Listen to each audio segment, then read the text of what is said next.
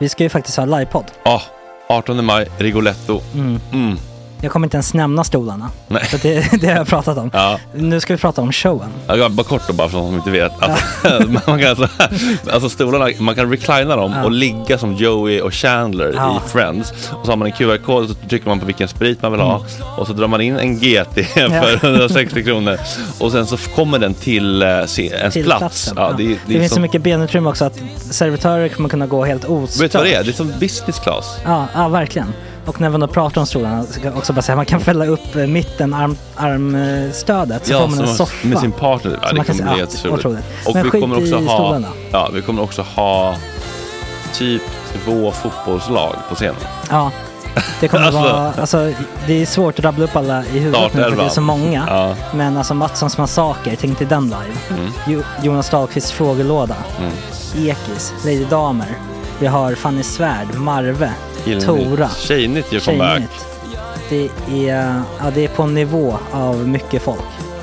Ja, det kommer bli, eh, det kommer bli något helt annat.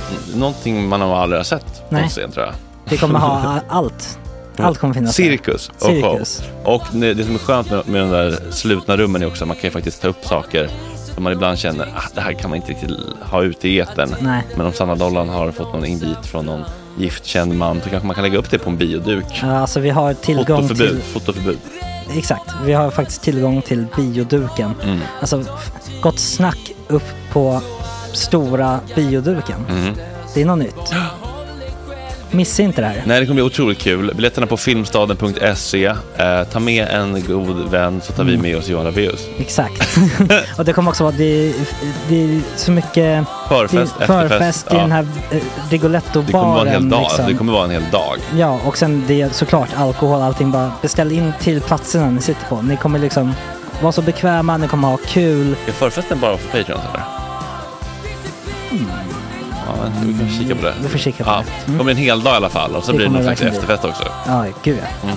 Vad är en Gott Snack eh, livepodd utan efterfest? Gud, det kommer bli så kul. Så länge sedan vi hade livepodd. Ja, det ska Längtar. bli skitkul. Ja, vi ses där hörni. Men, vart köper man biljetterna? Filmstaden.se. Ja, in och köp. Vi Sök på Gott Snack där bara. 18 maj. Puss, hej! Hej.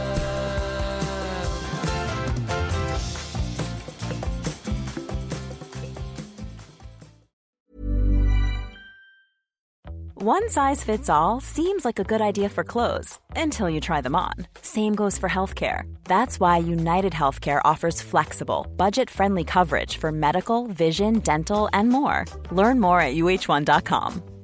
Hiring for your small business? If you're not looking for professionals on LinkedIn, you're looking in the wrong place. That's like looking for your car keys in a fish tank. LinkedIn helps you hire professionals you can't find anywhere else, even those who aren't actively searching for a new job but might be open to the perfect role. In a given month, over 70% of LinkedIn users don't even visit other leading job sites. So start looking in the right place. With LinkedIn, you can hire professionals like a professional. Post your free job on linkedin.com/people slash people today. Wow. Nice. What you're hearing are the sounds of people everywhere putting on Bombas socks, underwear, and t-shirts made from absurdly soft materials that feel like plush clouds. Yeah, that plush. And the best part? For every item you purchase, Bombas donates another to someone facing homelessness. Bombas. Big comfort for everyone. Go to bombas.com slash ACAST and use code ACAST for 20% off your first purchase. That's bombas.com slash ACAST. Code ACAST.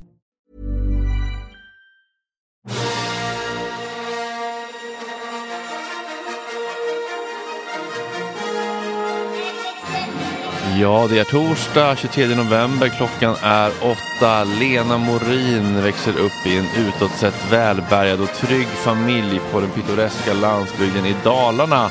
Men när grannar och vänner inte ser eller hör styr pappan familjen med järnhand. Fysiskt våld varvas med psykningar och trakasserier. Hemma lever Lena som en skugga ständigt rädd för att någon i familjen ska bli ihjälslagen. När hon är tio år gammal flyr hennes mamma det våldsamma hemmet och Lena blir ensam kvar. Åren som följer eskalerar våldet och när Lena just vid 13 år gör han det värsta en förälder kan göra mot sitt barn. Hur tog sig Lena till slut ur sin mardröm? Hur nära var hon att mörda sin pappa? Varför valde hon att förlåta honom? Hur kändes det när han plötsligt satt längst fram på hennes bröllop när han kommit ut ur fängelset? Och hur kunde hon läka i terapi?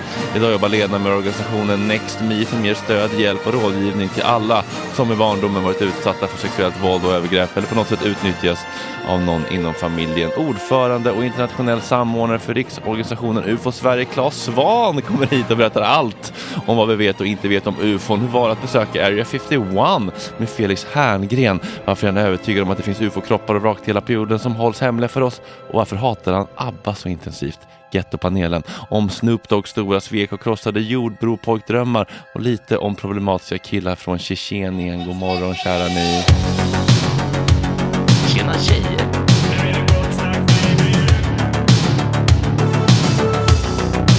Superrunkare Gregor.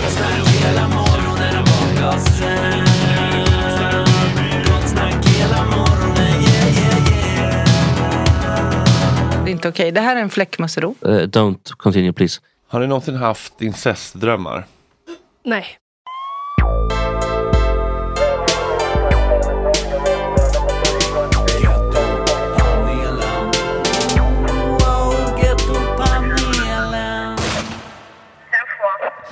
Välkomna till Gettopanelen. Ja, tack så jättemycket. Så Varmt himla välkomna. kul att ni är tillbaka. Det är alltid så kul att få vara här. Eh, och idag har vi några ämnen. Några kan man säga. Ja, Ett gäng. Kul, för det känns som att ni hittar ju ämnen som inte jag alltid hittar. tackar. Eh, ja, Det får vi, man säga. förs- vi, vi försöker leta. Ja. Eh, idag, vi- ska vi vara ärliga, så är det väl lite ehm, 50-50 Gettopanelen och eh, Killnytt lite. Ja, det, går, det kan vara ringar som går in i varandra lite grann. det kan det vä- absolut vara. Gettonytt kan vi kalla det. Ja, ja snyggt.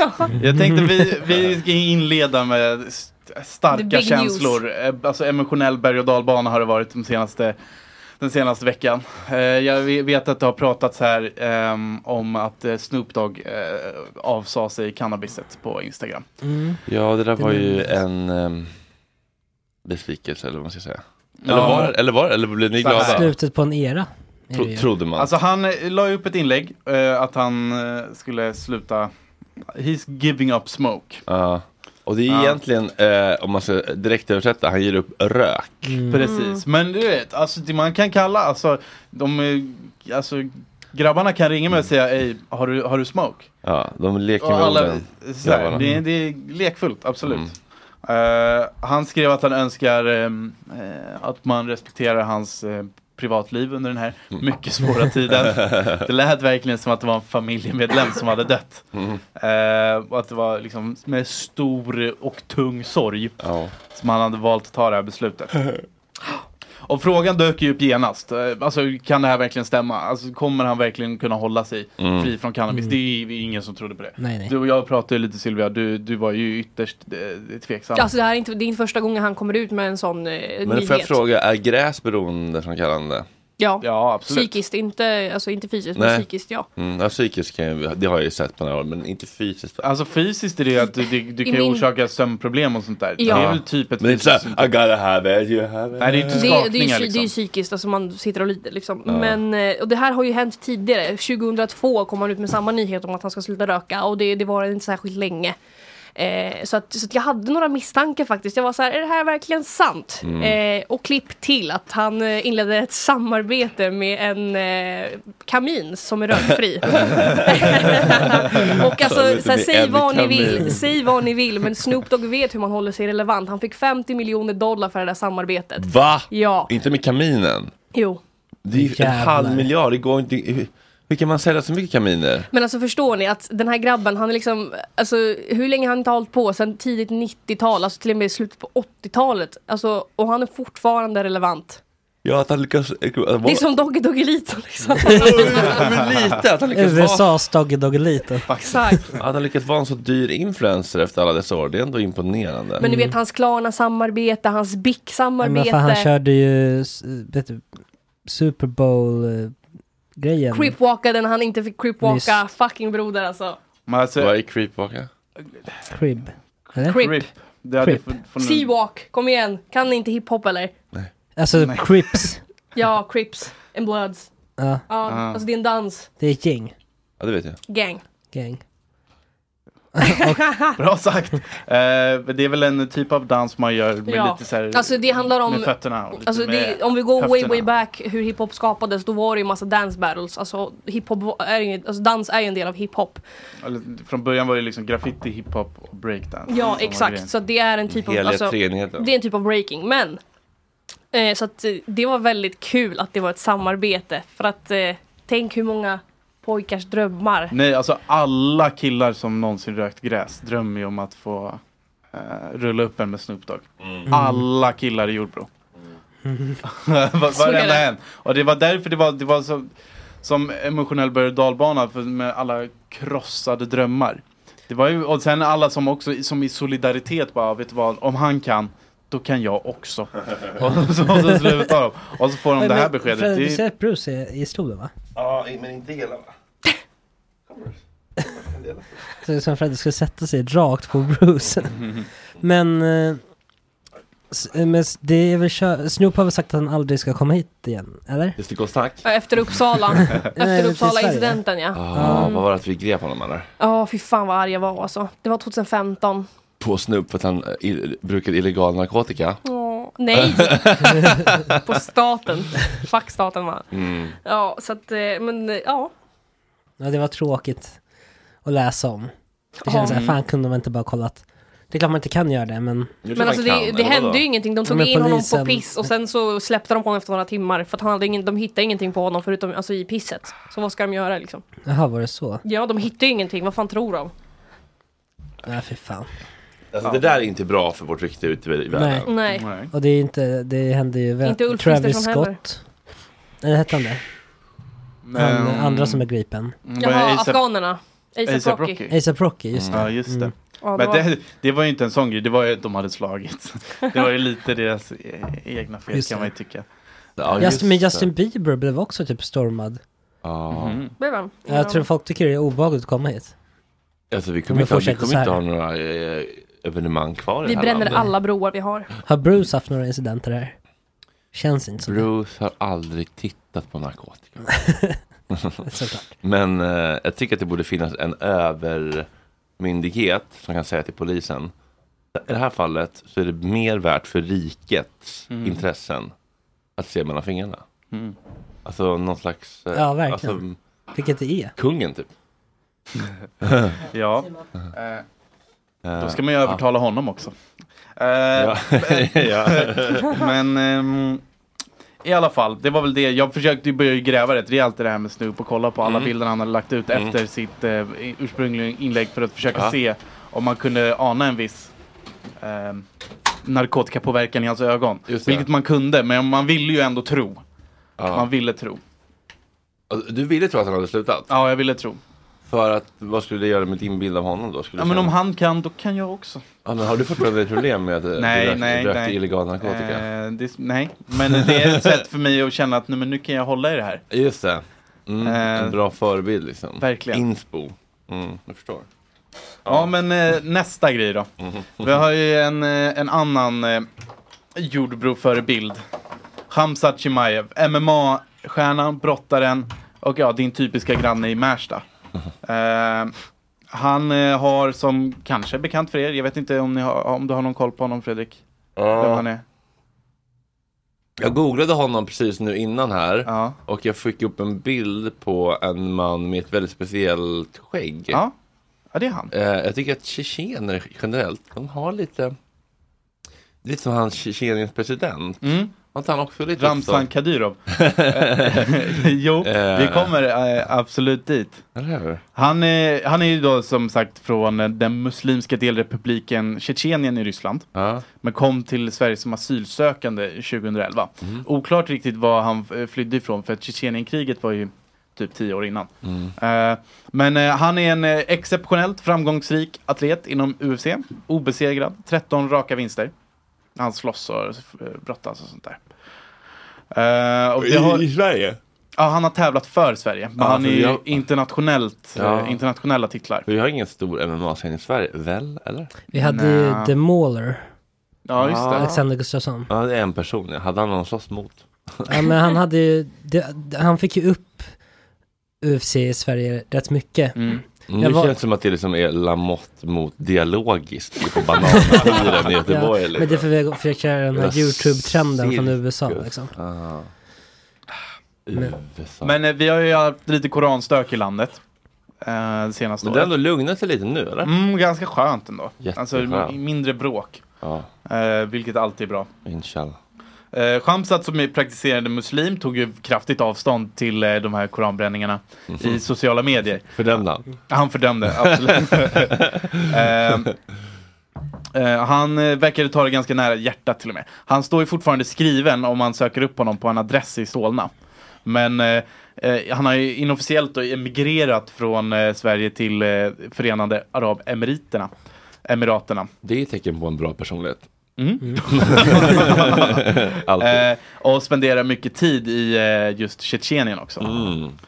Eh, han har ju fått mycket kritik eh, genom eh, åren för sitt samröre med tjetjenska diktatorpresidenten eh, Ramzan Kadyrov, tidigare nämnd. Ehm, han är bland annat personlig tränare till diktatorns barn. Mm. Oj. eh, och har publicerat hyllningsinlägg om honom i sociala medier och annat. Så. Oj. Ehm, Ja. Eh, vid ett tillfälle, det här var ganska nyligen, efter en eh, MMA-match där han hade vunnit så poserar han på bild med Zlatan och ett av eh, Kadyrovs barn. Den då Så. 15-årige Adam Kadyrov. Eh, som nyligen blivit tilldelad rollen som senior ansvarig för sin fars livvaktstjänst inom tjetjenska säkerhetstjänsten. Wow, var kommer de här uppgifterna ifrån? Ja, det är från lite olika delar av nätet och sådär. Men du har sett bilden?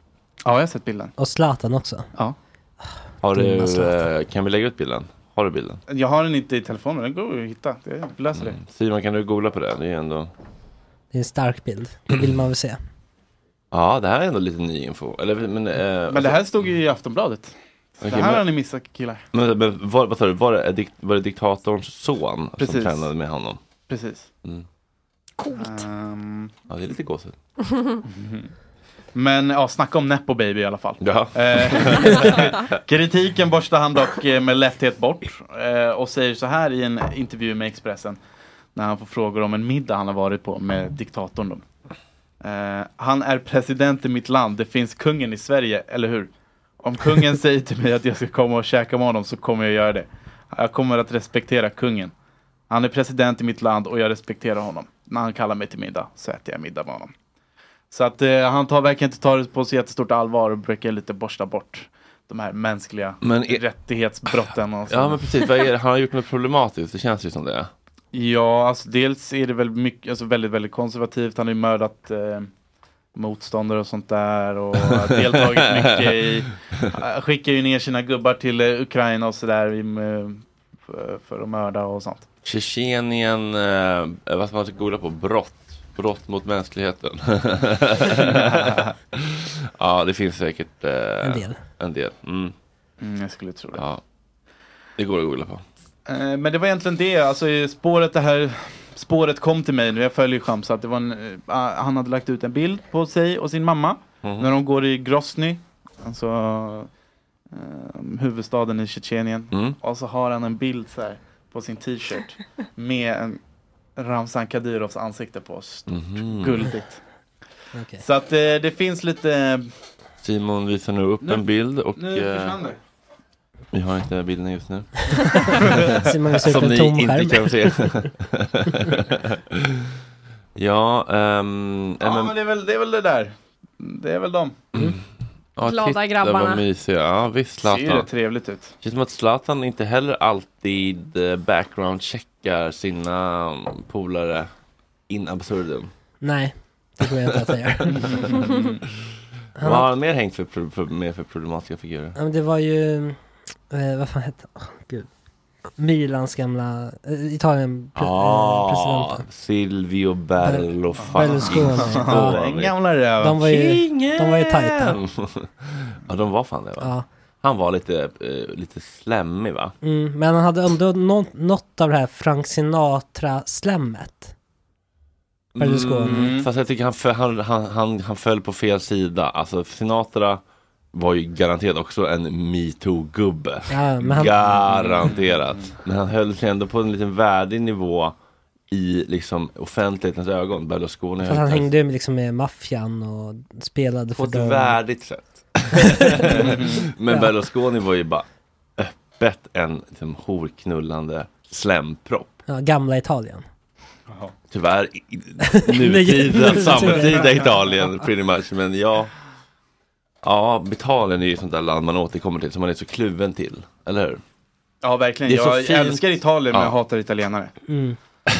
ja, det var ju hårt. Men, men, men någons, det finns ju någonting i det där ändå ju. Mm, verkligen. Att det är ju det är ett ganska obehagligt eh, klimat i många frågor. Det är där. väldigt vackert gud. där men det är mycket ficktjuvar och, eh, och otrohet och um, böghat och Kvinnohat. kvinnohat Rasism. framförallt. Ja, Rasism, rasism, ja. fascism. Men Ja, bra mat.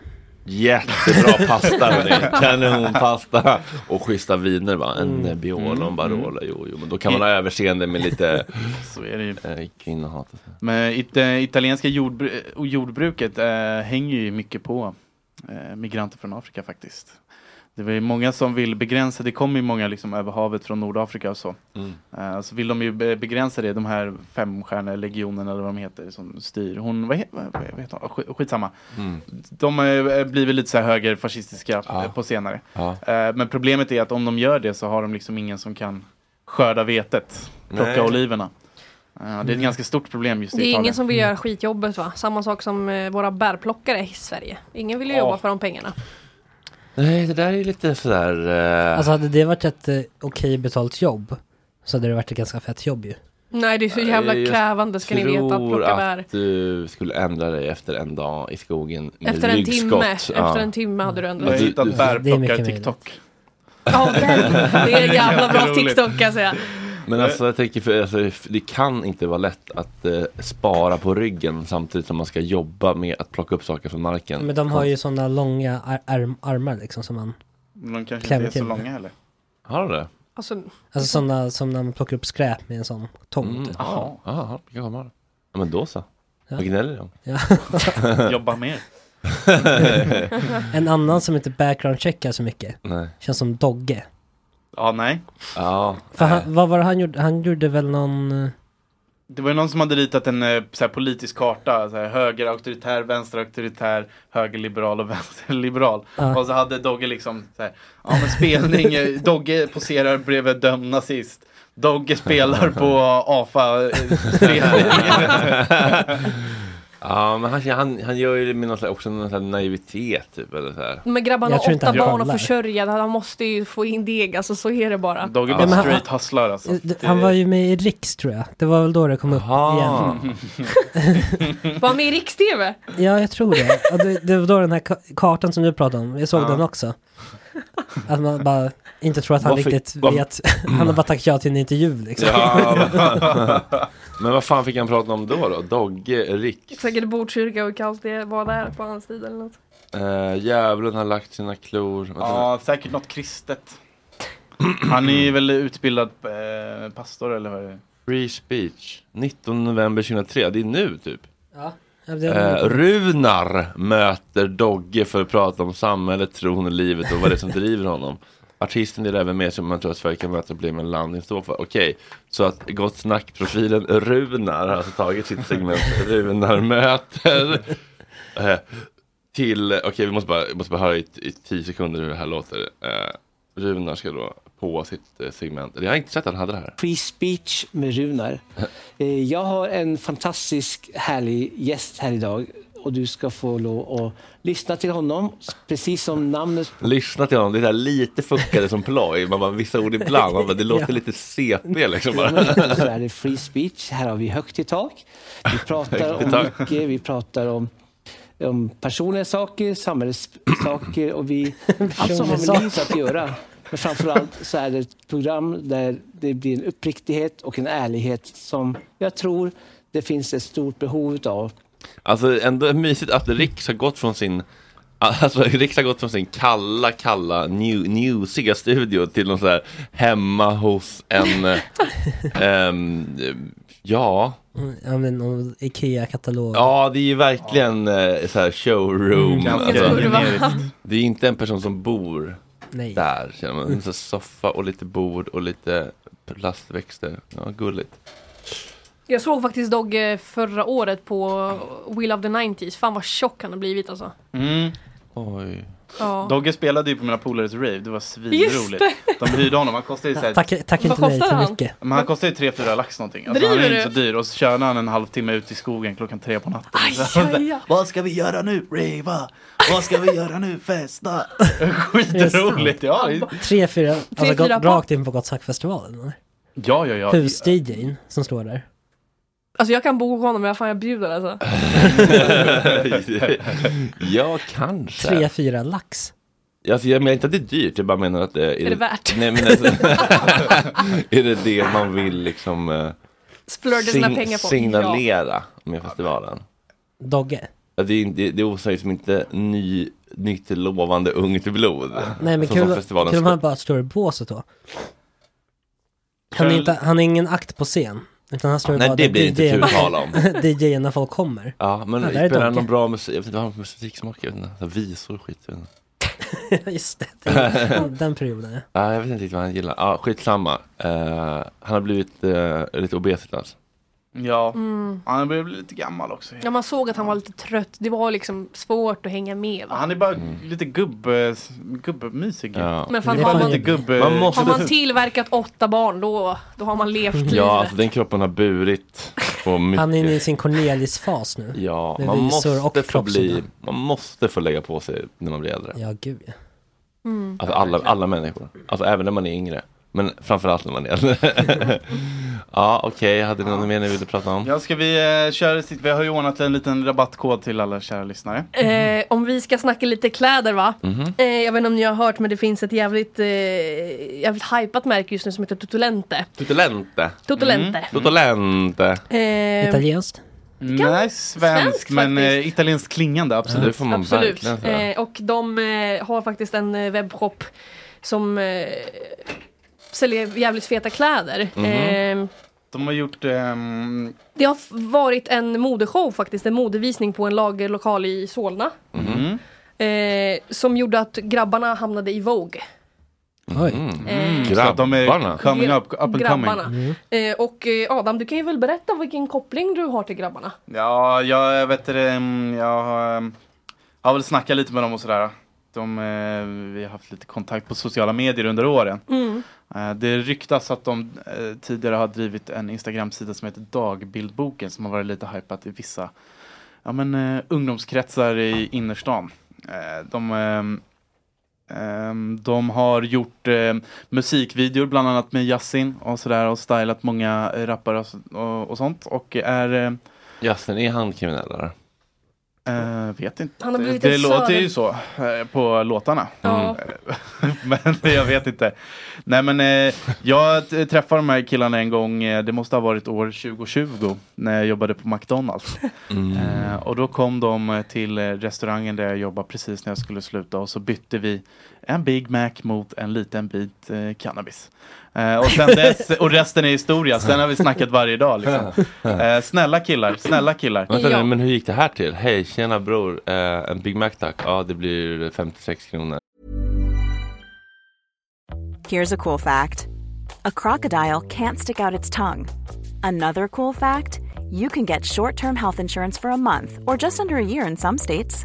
United Healthcare short term insurance plans are designed for people who are between jobs, coming off their parents' plan, or turning a side hustle into a full time gig. Underwritten by Golden Rule Insurance Company, they offer flexible, budget friendly coverage with access to a nationwide network of doctors and hospitals. Get more cool facts about United Healthcare short term plans at uh1.com. Hey, it's Danny Pellegrino from Everything Iconic. Ready to upgrade your style game without blowing your budget? Check out Quince. They've got all the good stuff shirts and polos, activewear, and fine leather goods, all at 50 to 80% less than other high end brands. And the best part? They're all about safe, ethical, and responsible manufacturing. Get that luxury vibe without the luxury price tag. Hit up quince.com slash upgrade for free shipping and 365 day returns on your next order. That's quince.com slash upgrade. I'm Sandra, and I'm just the professional your small business was looking for. But you didn't hire me because you didn't use LinkedIn jobs. LinkedIn has professionals you can't find anywhere else, including those who aren't actively looking for a new job but might be open to the perfect role, like me. In a given month, over 70% of LinkedIn users don't visit other leading job sites. So if you're not looking on LinkedIn, you'll miss out on great candidates like Sandra. Start hiring professionals like a professional. Post your free job on linkedin.com/people today. Jag har en, annan, Eller? jag har en annan idé. Nej men jag visste att de skulle komma så att jag hade gjort en Big Mac liksom redan innan. Och sen så mötte jag dem utanför restaurangen och så bytte vi. Det var faktiskt två Big Mac nu när jag tänker efter, en var. Mm. Hård valuta. Nattmålet. Hård valuta. I alla fall, eh, Totolente riktar sig mot streetwear och Y2K eh, publiken med sina lite orten-inspirerade men ändå eh, stilfulla mjukiskollektion. Eh, de har ju... Skrattar ni med de här, de här, det här mjukisdressen kostar 190 pund. Eh, så att det är inte billiga grejer och de är gjorda utav 80% Turkish cotton. Eh, så att eh, det är, det är grejer. Turkisk bomull. Jajamän, bomull. Bomull. Det, det stämmer. Ehm, och Bomull, bomull. ehm, de, har faktiskt, de har faktiskt en egen rappare som kallas för DR. Eh, som även har producerat musikvideon till Yasin bland annat. Eh, och som har nu släppt ett helt album under deras namn. Eh, och det här är faktiskt en jävligt bra idé på att eh, om en, eh, komma ut i, eller vad ska jag säga liksom? Komma, Det är ett bra sätt att hypa sitt märke. Liksom. de- de, gör ju, de kör ju lite samma stil som eh, Foxtrot-nätverket.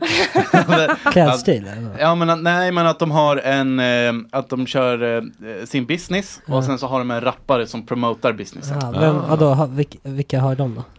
De har en rappare som heter DR som Sylvia precis berättade.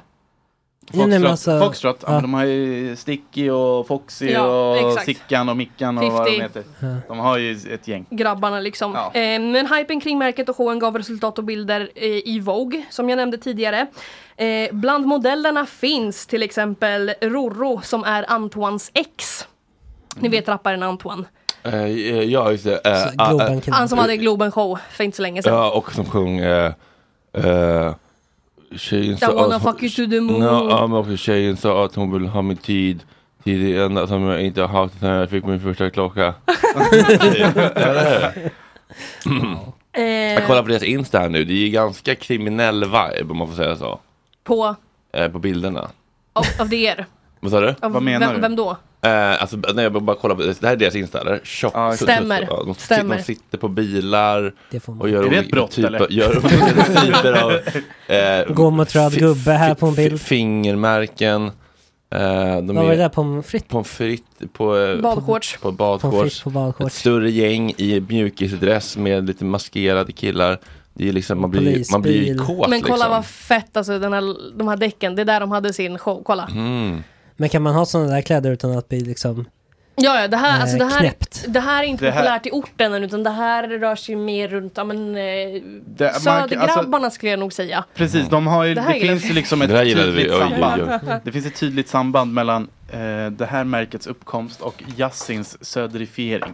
100 procent. Yasin söder... Men han har ju bytt, Ja. han har ju bytt stil liksom. Ja, ja, Det är inte Canada Goose längre utan det är Han har lite bucket hat och... Om vi ska Ja, lite snacka så. lite om eh, DRs nya album som han släppt för, för förra veckan tror jag det är. Ehm, så är det ett album som Förlåt men det är, liksom, det är lite Hamas-vibe ändå på de här bilderna. Alltså, det är så här, helt så här gröna med liksom maska ja, i någon jävla tunnel. Ja, skitsamma. Detta album är något som eh, svensk hiphop aldrig bevittnat tidigare. Det är ett väldigt lekfullt album eh, som eh, har tydliga kopplingar till basketen. Eh, om vi snackar några tracks så kan vi prata om Rookie of the Year, Arga snickaren eller Håll käften. Eh, som är mina favoriten på det här albumet. Eh, men vi har även James Harden, Fuck Han DR, First Pick, Batman och Finally Rich. Men vilken, ska jag spela lite av en låt då, som vi får höra? Vi ska se hur fort ni kan ta det. Så att säga. Gjorde 20 till typ 45, de trodde ändå den var 90 Saknar ändå trappa, ger det gittig Hämtar mitt till fyra företag och rattar dem försiktigt Känner mig som AC-20 hur jag hanterar business ha. Mannen vad sa de?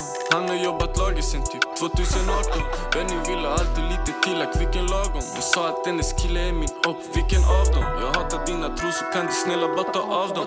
hon leker gat men egentligen är Carlton Som hon är från Bel vill vara från Compton Jag brukar kasta dimes, 12 i ryggen, jag är Stockton Det låter Klick. Känner mig som 50 Cent när han slutar skjuta crack. Bitch Mm. Vilken låt var det här Sylvia? Rookie of the year. Ja, jag tycker det här är lite mjukt och mysigt ändå. Mm. Jag kan liksom ändå uppskatta viben. Men smart också att ta... Alltså det är, det är en stil som är stor. Klädstil eller musikstil? Klädstilen. Alltså i eh, orten ju. Eh, Ja, det får orten svara på. men det, jag tror att de mjukis- är på väg in alltså. Ja, verkligen. Eh, men sen så är det väldigt mycket Y2K också som kommer liksom från UK. Alltså den här eh, ja, men lite mer lekfulla stilen, som, eh, lite mer färger och sådär. Det kommer man se. He- Helt ärligt tycker jag att de riktar in sig lite mer på Papi Santana-stilen. Än, eh, Fuck honom mannen. Ja, Pop En- Santana, han är ju, han var ju trevlig, men nivån på musiken är ju fasansfull. Alltså, det är ju fasansfull musik. I alla fall. Det måste man ändå få säga. Gettopanelen har faktiskt en rabattkod att erbjuda. Det är sant. Eh, om ni går in på totolente.com så kan ni ange panelen 15 för 15% rabatt. Oj. Så klipp lite fina kläder. Klipp dem. Och, Walla. Ja, walla. Mm. Tutolente heter märket för de som undrar i chatten. Tutolente. ja, Por favor. kul.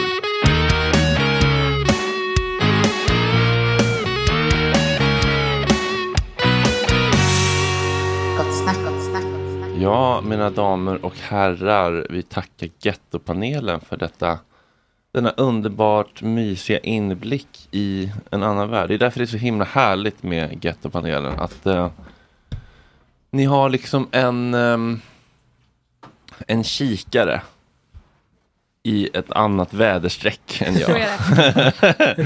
Det är väldigt härligt att bli serverad Mm. Det är väldigt spännande varje gång. Det är det. Och Kul. eh, man hade liksom inte orkat gräva runt i liksom MMA-nyhetslådan för att kanske hitta någonting kul. Nej. Så att det är ju det är väldigt eh, tacksamt. Nu, kära Gettopanel, så har vi fått eh, besök av Lena Morin Nilsén. Var det rätt? Yes, Yes. korrekt. Som har skrivit boken Aldrig kunde han döda mig. En sann berättelse om att överleva incest. Tillsammans med en kvinna som heter Anna Karsall. Yes, stämmer Som är författare och socionom. Och eh, du har startat organisationen NextMe som hjälper offer och förebygger incest. Mhm. Det här är ju inte ett mega ljust ämne. Nej. Men eh, det är ju Det är väl bra att prata om, tänker jag. Ja, För det det är förekommer, tyvärr. Mhm. Eh, hur, hur, eh, hur brukar du prata om det här för att det ska bli samtal som känns meningsfulla och tar oss framåt? Liksom? Ja. Eh, nu har det i alla fall blivit lite lättare att prata om det än eh, vi säger när jag startade NextMe för 11 år sedan. Mm. Då var det den här eh, kommentaren. Jag kommer ihåg jag ringde till en rektor första gången och frågade om jag fick komma dit och prata om det på hans skola. Så Mm. sa han, va? Tror du att det finns på min skola? sa han. Jag bara, ja.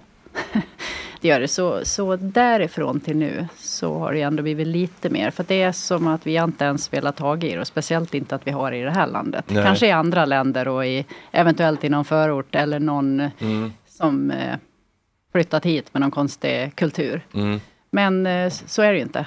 Utan vi har två i varje klass. Två i varje klass? Ja, typ två av 30 då. då. Och då pratar vi bara om inom familjen. Vi pratar inte om de här andra sexuella övergreppen som sker.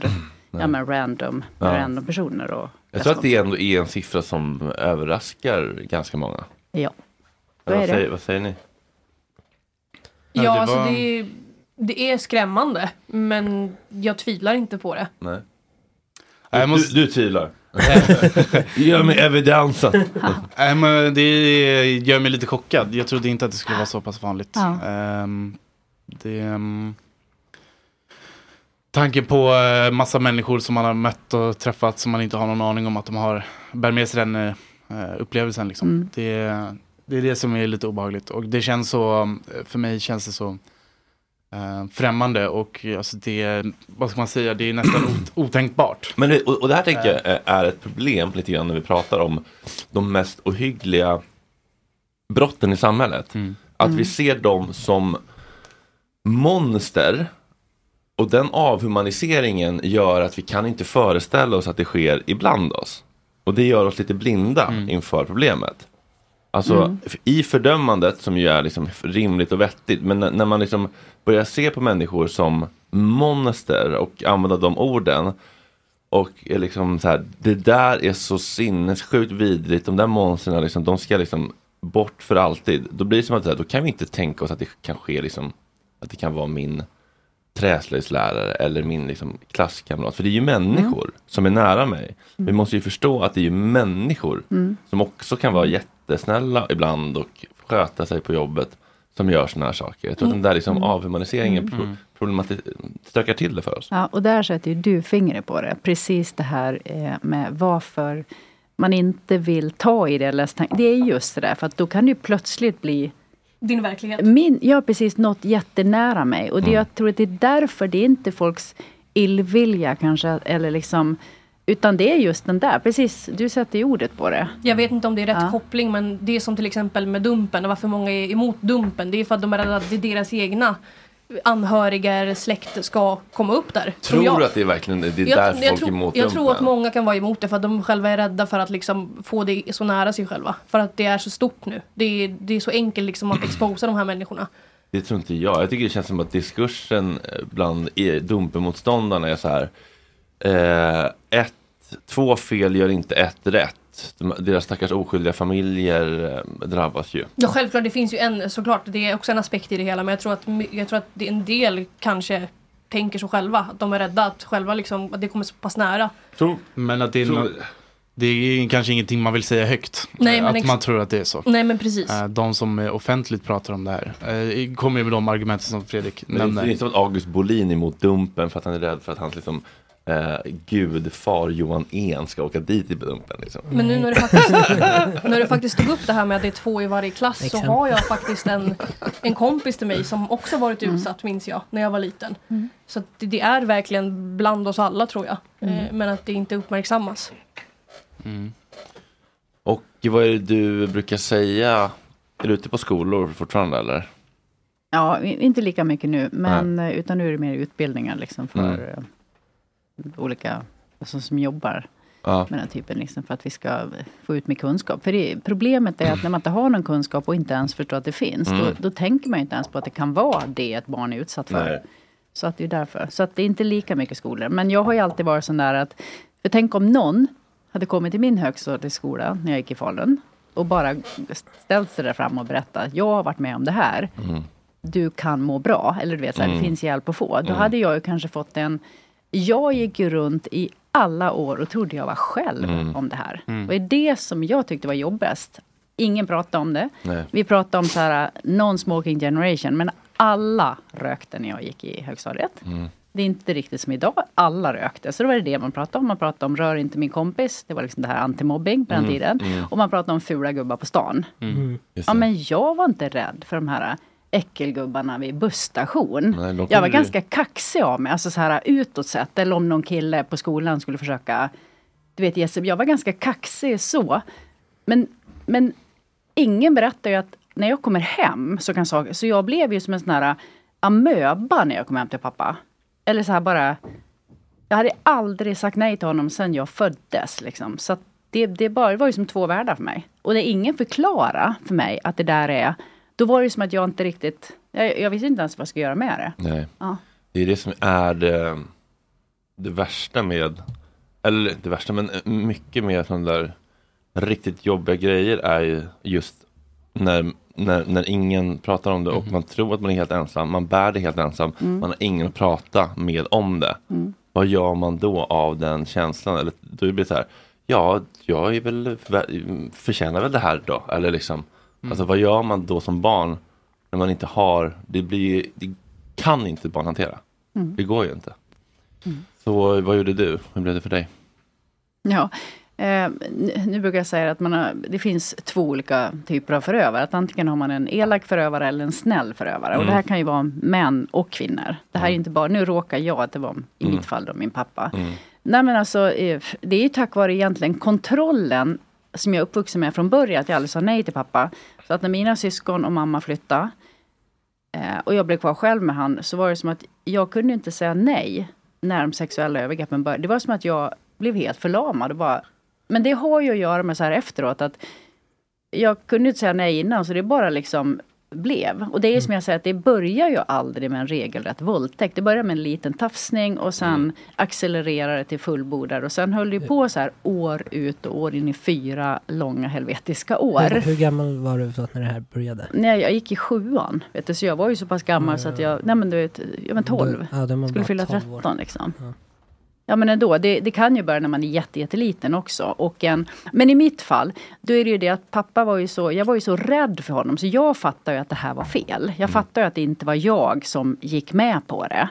Men ändå, för sen finns ju sådana som har snällare förövare som leker sig till så barnet inte fattar. Och speciellt när det är med, eh, med killar så blir det ju så att ja, man kan ju se till att killarna får ut något av det som förälder eller mamma. Eller, det är ju hemskt då. Då kan ju killarna säga, men jag gick självmant till honom. Mm. Eller jag gick självmant in i sängen för att Mm. jag nästan ville uppleva någon där njutning. Och det blir ännu mer skamfyllt. Mm. Medan jag var ju bara rädd. Mm.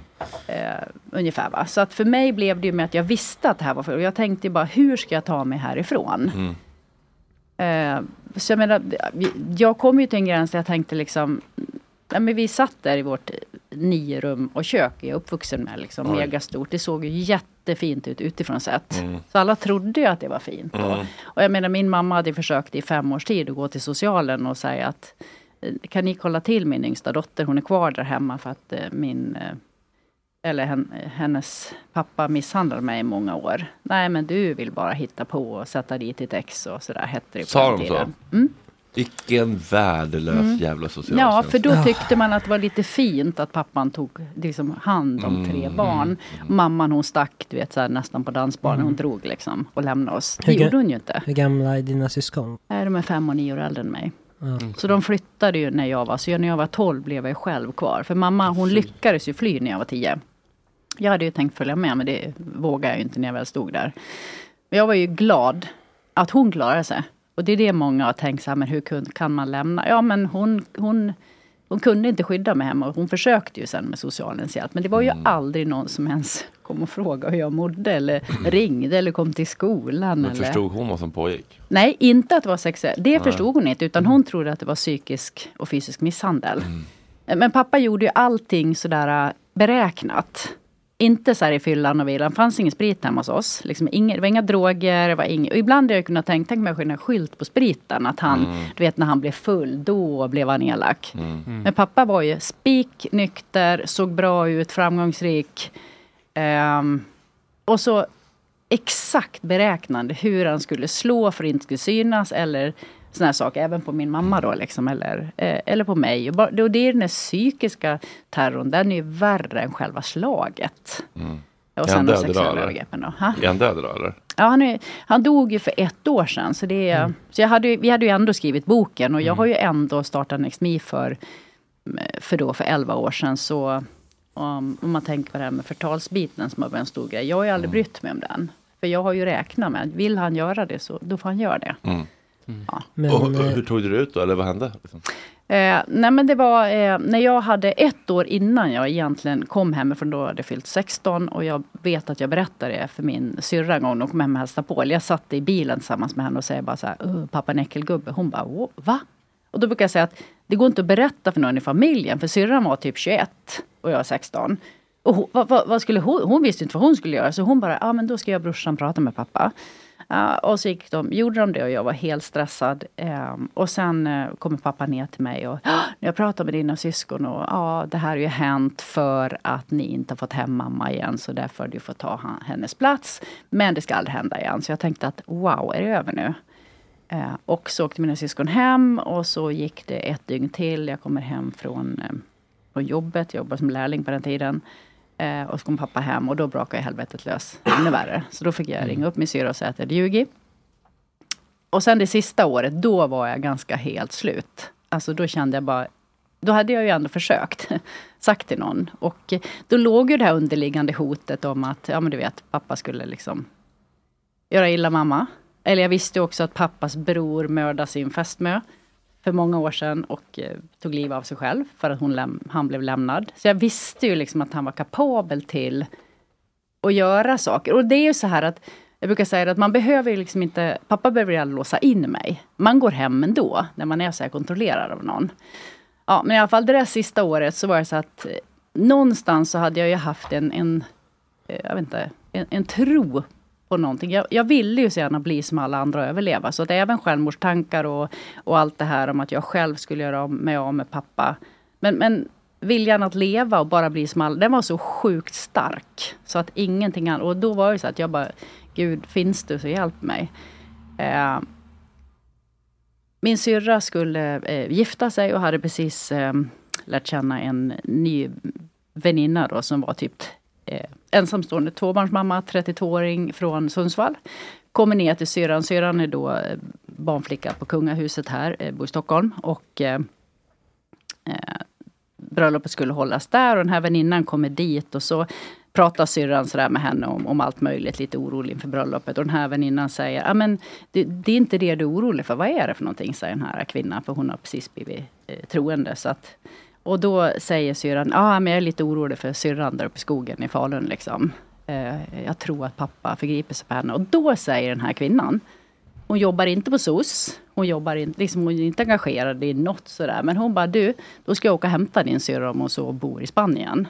Och syrran bara, nej, nej, du kan inte göra det nu, Du måste vänta till bröllopet är över. Liksom. Pappa kommer förstöra det här annars. Så lång story kort, efter det, så en vecka innan jag skulle fylla 17, så ringer syrran till salongen som jag jobbar på som lärling. Och så säger hon så här att, kommer du ihåg den där kvinnan du träffade på bröllopet? Eh, hon kommer att hämta dig på fredag. Och jag bara, whatever. Liksom. Hur då? Liksom. Så jag kommer ihåg att fredagen kom eh, och jag sa till min chef att jag ljög och sa att jag skulle till tandläkaren klockan fyra. Eh, och eh, kliver ut ur salongen och mycket riktigt så står en svart Audi ute där och det har precis snöat lite. Och den här kvinnan kliver ut. Och för mig var det ett mirakel att jag vågade sätta mig i bilen. För att egentligen så hade jag ju kunnat tagit jag menar, en buss eller ett tåg och dragit från stan. Jag, menar, jag var ju ganska kapabel, normal person. Alltså överlag. Men, men det var ju just det här, för att hon hämtade mig, jag satt med bilen, vi åkte hem till vårt stora hus och eh, tog en plastsäck och, och slängde ner alla mina prylar i. Jag hade ju inte vågat packa någonting. Var du ensam hemma då eller var han hemma då? Ja precis, då hade inte han kommit hem Nej, än. nej. Och jag kommer ihåg när kvinnan kliver in i vårt hus och säger hon så åh fy vilket äckligt ställe. Och jag bara, va? Alla som tycker vi har det så bra och fint.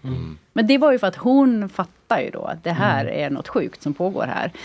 Och så rafsar vi i mina saker. Jag la en lapp, du behöver inte leta efter mig, jag har dragit liksom. För jag fattar ju, han skulle inte ringa polisen. Eh, och sen åkte vi till Sundsvall då. Eh, och, och för mig var det ju som ett mirakel. Det kommer en kvinna och sen bodde jag hos henne i några veckor. Hon och hennes blivande man och så två barn. Och hon var hemma dygnet runt. Jag var ju livrädd när jag kom upp dit. För jag kommer ihåg att pappa kommer söka, han kommer hitta mig. Det var liksom, Mm. ja. Men eh, hur, alltså det här med att din, din syrra då bad, bad henne att vänta för bröllopet. Mm. Det är ingenting du känner, har något agg emot nu? Ja. Alltså, för det låter som en konstig prioritering menar jag bara. Att Ja, det kan men- bli ställt på bröllopet om, Mm. om vi hämtar henne innan. Mm. Och det är klassiskt hur det går till. Det går till så idag också.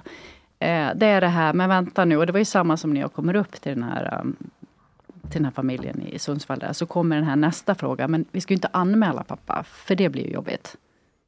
För släkten. Mm. Nu, nu pratar jag inte bara för mig själv, utan så här är Ja, det. Mm. Och- jag bara, ja, men vi låter han, vi kan låta pappa gå, gå till en präst liksom. Och, prata så här, jaha. Ja, men vet, och jag hade ju kommit ifrån mitt helvete, så jag var ju mer så här 17 år och bara, ja det blir bra, vad som helst blir bra. Jag var så här, och det är det jag menar med att är man 17, 20, 23, man kan inte fatta ett beslut själv. Så jag var ju, nej men det, det så här spelar ingen roll. Jag var ju bara tacksam att jag var ifrån. Men Mm. då har min mamma flyttat till Stockholm och bott här ett par år. Eh, får höra detta. För hon vet ju inte vad jag är ens. Och, och ingen har berättat för henne att jag ringer till mitt jobb och får reda på att jag inte är där. Och i alla fall, långt story kort, får reda på vad pappa har gjort. Och då blir ju helt eh, topptunna rasande. Och vad min mamma gjorde då, det var att hon frågade inte SOS, hon frågade inte sin man, hon frågade inte någon väninna vad hon skulle göra. Utan hon åkte raka vägen till polisstationen här i Stockholm och gjorde en anmälan. Och eh, jag är så sjukt tacksam till min mamma idag, att hon gjorde det. Bara stod upp för mig och sket i vad folk tyckte, Mm. ungefär. Eh, sen är det jobbigt med en anmälan och allt det här. Men jag är så tacksam. Vad händer då? då? Eh, ja, det, lång story på den också. Men eh, det slutade med att vi vann, så att pappa blev dömd. Eh, och jag kan säga det att eh, till tre år. Ja, fråga mina amerikanska vänner då som jobbar med de här frågorna så Mm. tycker de det är ett skämt i det Ja, här jo. landet. Men jag kan säga så här att jag är ändå tacksam att han blev dömd. För att dels blev jag trodd Mm. på den här känslan. Och för mig så var det ju inte av, och det ska jag säga, det är inte av hämnd man vill få in en förövare. Det är att jag ville slippa se honom. Mm. För att jag var så rädd att han, och i och med att han har psykopatiska drag så var det det att han dök ju upp överallt. Bara sådär, alltså stod utanför. Och att bara det här totalt psykandet hela tiden. Även när du, alltså, när du hade lämnat honom, eller nej? Ja men alltså till exempel innan rättegången Ja. så kunde han ju dyka upp och, och se. Och sen det här, du vet ju att om du sätter in mig nu så kommer jag ut en dag. Usch. Så jag har ju men å andra sidan, jag har levt med det här i hela mitt liv. Mm. Eh, men jag är ju Har du en... någonsin tänkt på att du skulle avsluta hans liv för att slippa hotet? Ja, eh, det var ju då typ när jag var runt 16 där. Mm. För att jag, du vet, satt jag och försökte räkna ut. Men då fattade jag, om jag tar livet av honom, jag hade Mm. ju till och med tänkt ut hur jag ska göra. Ja men då åker jag in. Och jag, det var inte det jag ville, jag ville inte sitta i fängelse. För det kunde jag, jag var ju smart när jag tänkte, det går ju inte. Så Där det är tycker s- jag nästan vi borde ha en undantagslag. Ja. Om man mördar sin incestpappa Ja. så borde man gå fri. Men hur, jag tycker hur, det. ehm, vad tänkte du göra? Får man fråga det? Hur du ska mörda honom. Ja, nej, alltså, Nej men det, det, det, det ja, det, ja, det var ju faktiskt att jag skulle ta en kniv och se till bara att Snabbt. Snabbt. Mm. Och se till att eh, han förblödde innan jag ringde någonstans. Mm. Jag var nog ganska iskall alltså, och ganska stark. Nej, Jag det- tränade väldigt mycket så att jag var nog, jag trodde nog någonstans att jag var kapabel. nå- på det. Men ändå så hann jag ju tänka att det går ju inte för då hamnar ju jag i fängelse. Liksom. Ja, det var ju Då, sinnesnärvaro. då ska du bli straffad av hela den här grejen Ja. sen också. Nej liksom. men det, det hann jag ju ändå liksom förstå. Mm. Och jag är ju tacksam till idag att jag inte gjorde det. För att det är ju inte så att jag egentligen... Jag vill ju bara bli av med pappa. Han hade ju kunnat åka till en öde ö, vad som Mm. helst, bara slapp se han liksom. Så det är det jag menar med det här med fängelse och det här med hämnd. Det handlar inte om hämnd för många av oss. Det handlar om, det handlar om att bli trodd. Mm. Och- Och även om det hade handlat om hämnd hade det varit Ja. helt okej också. Ja, alltså det, Ja. Men, Men- sen då? Kom man ut sen? Eh, ja, eh, och det var en sån där detalj. Jag hade träffat en, en... Mot statistiken så hade jag träffat en bra kille. I alla fall, jag var knappt 21. Vi skulle gifta oss här borta, Götgatan, Södermalmskyrkan. Vi bodde här uppe då. Mm. Så det här är mina gamla hoods. Mm. Eh, Är han då hade vi en takvåning. Nej, från Borlänge. Vilket år är vi nu på? Ja, du vet, nu är vi så länge va? Det är 1990. Åh, Ett. glada 90 1991. Ja men du fattar, vi och du vet, vet, jag tyckte ju vi var gamla då. Det var så här, ja, men jag skulle fylla 21 och han var ju 25. Mm. Nej, inga konstigheter alls att gifta sig. I alla fall så kom vi in i kyrkan där borta, vi hade 150 pers.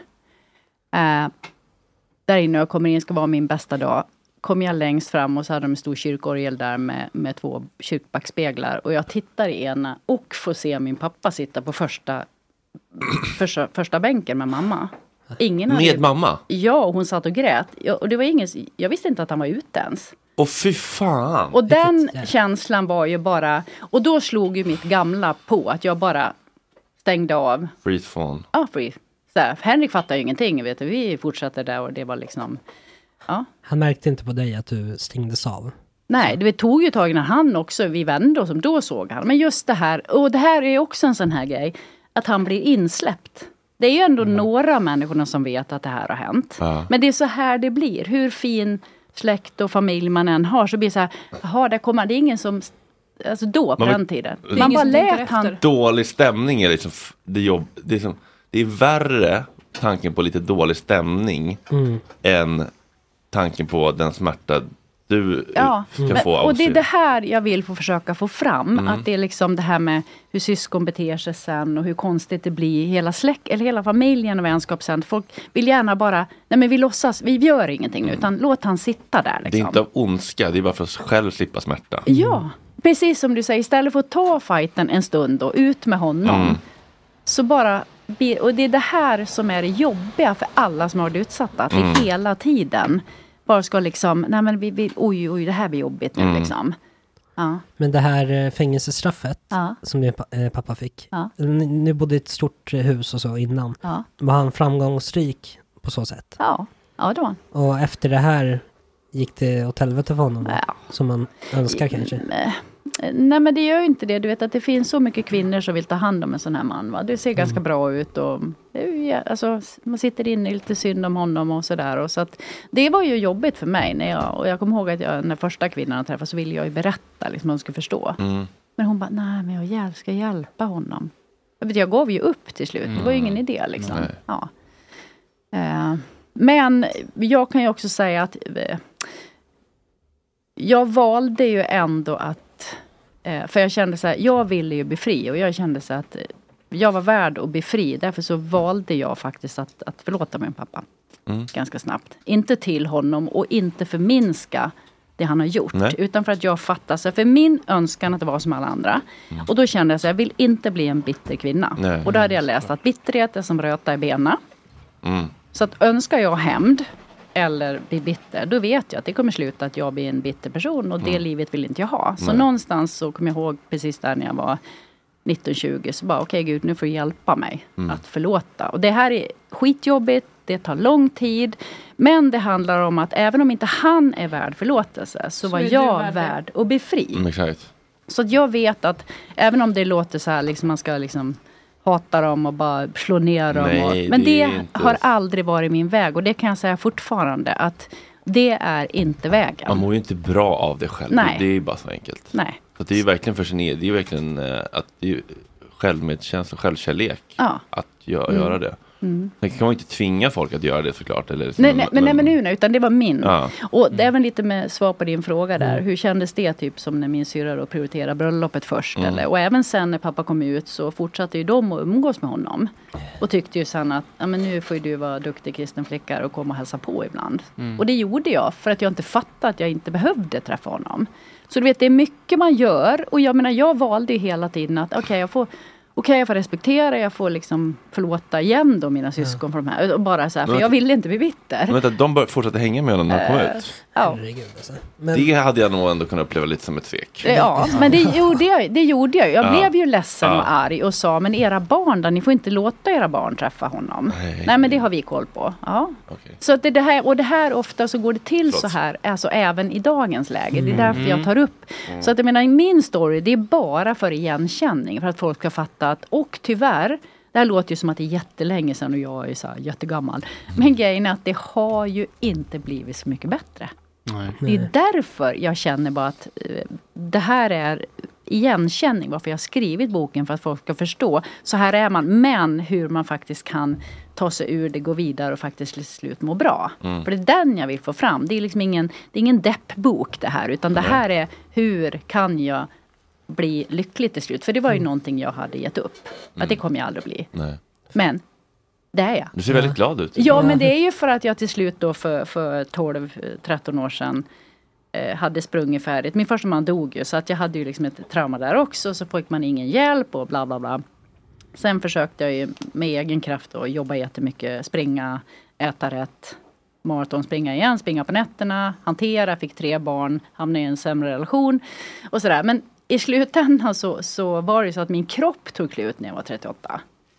Och jag fattar inget, ja men jag är ju på topp liksom rent eh, löpmässigt och sådär. Men det är ju så här att man inte tar itu med trauma så är det inte frågan om vi får problem, det är bara hur många. Mm. Eller vad som Mm. händer. Och jag Mm. tyckte att jag var en effektiv Duracell-kanin, hade säkert fått ADHD som men jag var ju framgångsrik i mitt sätt att Mm. alltid orka, alltid. Men till slut tog jag slut.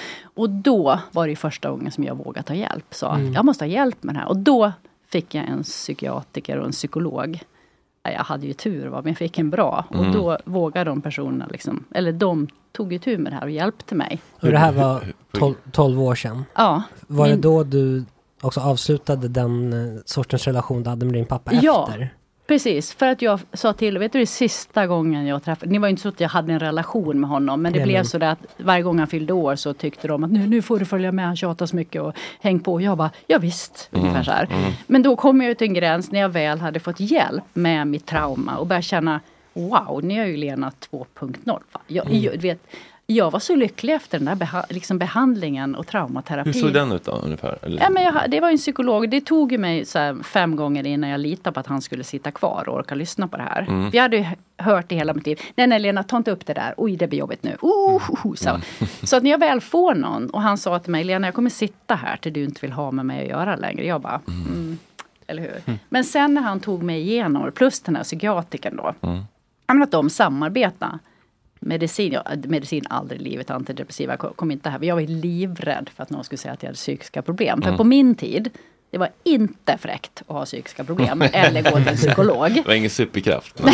Ja men idag är yngre mycket, mycket bättre på det och det är mycket mer tillåtande. Och för Mm. mig är det bra att ta hjälp. Men på den tiden, alltså det var så fel så jag bara, nej jag mår bra. Det var så här hela Mm. tiden. Eh, Men det var så fantastiskt att bara få ta emot den här hjälpen. Så då gick ju vi igenom de här jobbiga minnen och allt det här. Det är Mm. som jag säger att minnen glömmer man inte men de gör mindre ont till slut. Mm. Och till slut så Nej men alltså eh, jag fick tillbaka, eller fick, jag fick såna här riktiga känslor som folk pratar om. Jag hade ju levt i något slags så här bara Hela mitt liv var att gå från A till B och bara liksom bara klara av livet liksom. Mm. Och bara köra på. Till att jag bara, vad är det det här som är att leva? Mm. Och från det sen och så var jag ensamstående då med tre barn. Eh, kände så här att Nej men nu måste jag göra något av mitt liv. Jag måste hjälpa andra som har haft problem. Jag kan inte Mm. bara fortsätta med det jag hållit på med. Och så startade jag Next Me. Mm. Och sen så levde jag själv. Men, och sen så mot alla odds så har jag träffat världens fantastiska man. Och varit eh, nu gift i, fem år. Men Men, det- men, men, någon fantastisk människa. Det Men- trodde jag inte men, heller. jag Men det är väl inte vara. mot alla odds eftersom du nu är en fantastisk människa. Tänker jag. Ja. Då är det väl inte mot alla odds. Nej jag vet men, men för mig så var det bara och just få känslan kan man, kan man må så här bra Mm. på riktigt? Mm. Alltså, och det är därför jag kände så här till slut att nu är det tid att skriva någonting. Mm. Fint ju. För att ge lite hopp. Men, men jag tror folk, ändå- eller jag blev i alla fall nyfiken på liksom så här, eh, vad var det som liksom som gjorde, hände i de där terapirummen som liksom så här liksom, vad var det för skifte i liksom minnen, känslor, hur du liksom förhåller dig till dig själv, vad, vad var det som, vad, vad, vad gjorde ni rent konkret liksom? Rent konkret så fick ju han för det första att få mig att förstå att jag hade gått runt hela livet med dåligt samvete. Och att jag inte riktigt kände mig älskad liksom, utan för de här sakerna. Det, det var ju det jag förstod. Liksom. Eh, och han fick mig att förstå att jag, jag ska, eller kände mig älskad. Jag gick med en sån fruktansvärd prestationsångest som jag hade burit med mig sen. För enda gången jag var värd något när jag var yngre, det var ju när jag presterade saker. Så att det hade ju liksom förstört mig så mycket. Och då var det som att, för mig var det ett nederlag till och med när jag, när jag separerade från barnens pappa. För att det, det gick bara inte, jag mådde bara dåligt. Så jag kände så här, nej men jag är inte värd något. Jag är inte värd att, att, att få det riktigt bra. Det var den jag hade med mig. Och det var ju det han började bearbeta med mig. Mm. Tills jag fattade. När han bara, Lena, du behöver inte prestera längre. Jag bara, Va? nej men alltså på det, Mm. ju vet jag började tjura. Jag satt, vad, vad men? Tjura som är sur eller gråta? Nej, gråta. Ah, nej men alltså den här lätt... Jag bara, va, vad menar du? Jag kommer ihåg att jag till slut satt på stolen rätt. Jag bara, va? Vadå, är jag någon? Fast jag inte. Då känner jag kärlek. Ja, men hur många gånger hade jag inte sagt det till andra? Mm. Om du, så, liksom, du är ju så älskad, förstår man träffar någon yngre, ja men du är jätteälskad så här. Mm. Ja, men jag hade ju försökt så mycket i mitt liv att om jag älskar alla andra så kanske jag till slut älskar mig själv. För det står Mm. så, älska din nästa som dig själv. Ja Mm. men om jag inte älskar mig själv så är det väldigt svårt att, eller tvärsom då. Mm. Men han fick mig att bara eh, bara förstå de här grejerna. Och sen konkret så gick vi tillbaka till de här jättejobbiga händelserna. Mm. Några av dem. Mm. Det kallas ju för att man att våga närma sig liksom ett övergrepp på riktigt och Ja. faktiskt ta tag i det. och gå igenom det och det är skitjobbigt. exposure. Så Ja, ja, fast egentligen det enda som är det är att man sitter, jag sitter och berättar ett. Och första gången kunde jag, jag tänkte jag, dö, jag kommer dö Mm. om jag berättar det här. Men sen när jag hade gjort det första gången så var det som att, nej men jag dog ju inte. Mm. Och han sitter kvar och jag sitter kvar. Mm. Och så tar man samma ämne, eller samma övergrepp då, våldtäkt, två, tre gånger. Så är det som att, nej men jag klarar det. Och då är det som att det, det liksom släpper från kroppen, det är svårt att förklara. Men de här minnena, Den makten över dig och gör dig rädd och liksom... nej. Nej, bara jag Utan jag bara, ja, men jag över och, och han orkar ta emot. Eller Mm. han, nu var det ju en han. Men Mm. liksom personen orkar bara. Och fortfarande inte verkar tycka jag är äcklig. Nej. Och så här va. Och, och av detta då, jag gick ju ett och ett halvt år. Så, så ja, och bojorna lossnade liksom. Ja. Mäktigt ju. Ja, jag har bara en, en sista fråga om vi ska, som jag tycker är spännande. Mm. Med hur, hur pratade du och din pappa när ni sågs efter? På födelsedagar och sånt där. Var det, pratade ni liksom Nej, någon, någon gång om det? Nej, Nej. ingenting. Utan han körde på med sin psykopatstil mot eh, allt, alla i rummet som Mm. vanligt, som ingenting har hänt. Och jag kunde ju, jag ville ju titta så lite som möjligt på den. Jag genomled bara varje gång vi var där. Mm. Tills jag var klar och kunde dra. Ehm, och vi, vi hade ett möte eh, en gång och jag kommer ihåg att han skulle ta sig in i bilen och slutade med att jag kickade ut han ur bilen. Sparka ut han för att få ut han. Mm. Så att han har ju haft alltså de här psykopatdragen hela tiden. Mm. Det kan du känna en sorg för honom också. Jag tänker bara, det är också ett jävla straff att vara så empatistörd som människa. Ja, men det förstår man ju. Det är väl klart att jag någonstans vet, hade hoppats och trott att något mirakel ska ske. Men eh, tyvärr så gjorde det ju inte det. Va? Nej. Men eh, ja. Sen så, ja. Nej men ja, han är ju ändå... Levde, han blev ju ganska gammal. Så att det liksom... Var du på hans begravning? Eh, ja, det var jag. Men det hade jag bestämt mig för att göra. Och det var ju bara jag och mina syskon och syskonbarn. Ingen annan. Det är ganska tragiskt. Men jag, jag tänker också, jag har mått så bra så jag var ganska färdig. Jag var så färdig så den dagen när jag fick reda på att han dog. Mm. Då var det mer ett konstaterande och kanske en sorg över att inte ha någon att sörja riktigt. Det var mer Mm. så. Som blev lite speciellt. Men jag hade bestämt mig för att gå på begravningen för dels mina syskonbarn och bara... Jag hade inget problem med det. Det var bara att det blev tragiskt. Liksom. Mm. Ja. Kändes det skönt också? På begravningen som att nu, nu är det slut liksom. Ja, ja. Fast samtidigt hade jag gjort ett avslut innan sådär. Mm. Så det var inte, men det var ändå fint. Att, liksom, det, eller fint. Mm. Vad konstigt var det. En Mm. jättekonstig begravning. Men ja, Ja, starkt. Verkligen. Men också hoppfullt. ja. Verkligen. Det är ju- Det är det viktiga i det här för min del. Så Ja. det inte blir liksom Ja, för de som är- lyssnar. Liksom. Precis, Ja. så fick jag också Ja. säga när folk säger att din bok är väldigt tung. Jag bara, ja men det är ju ljuset jag vill fokusera på. Bra. Andra hälften om Mm. läkningen. Liksom. Eh, är du intresserad av ufon? Eh, nej.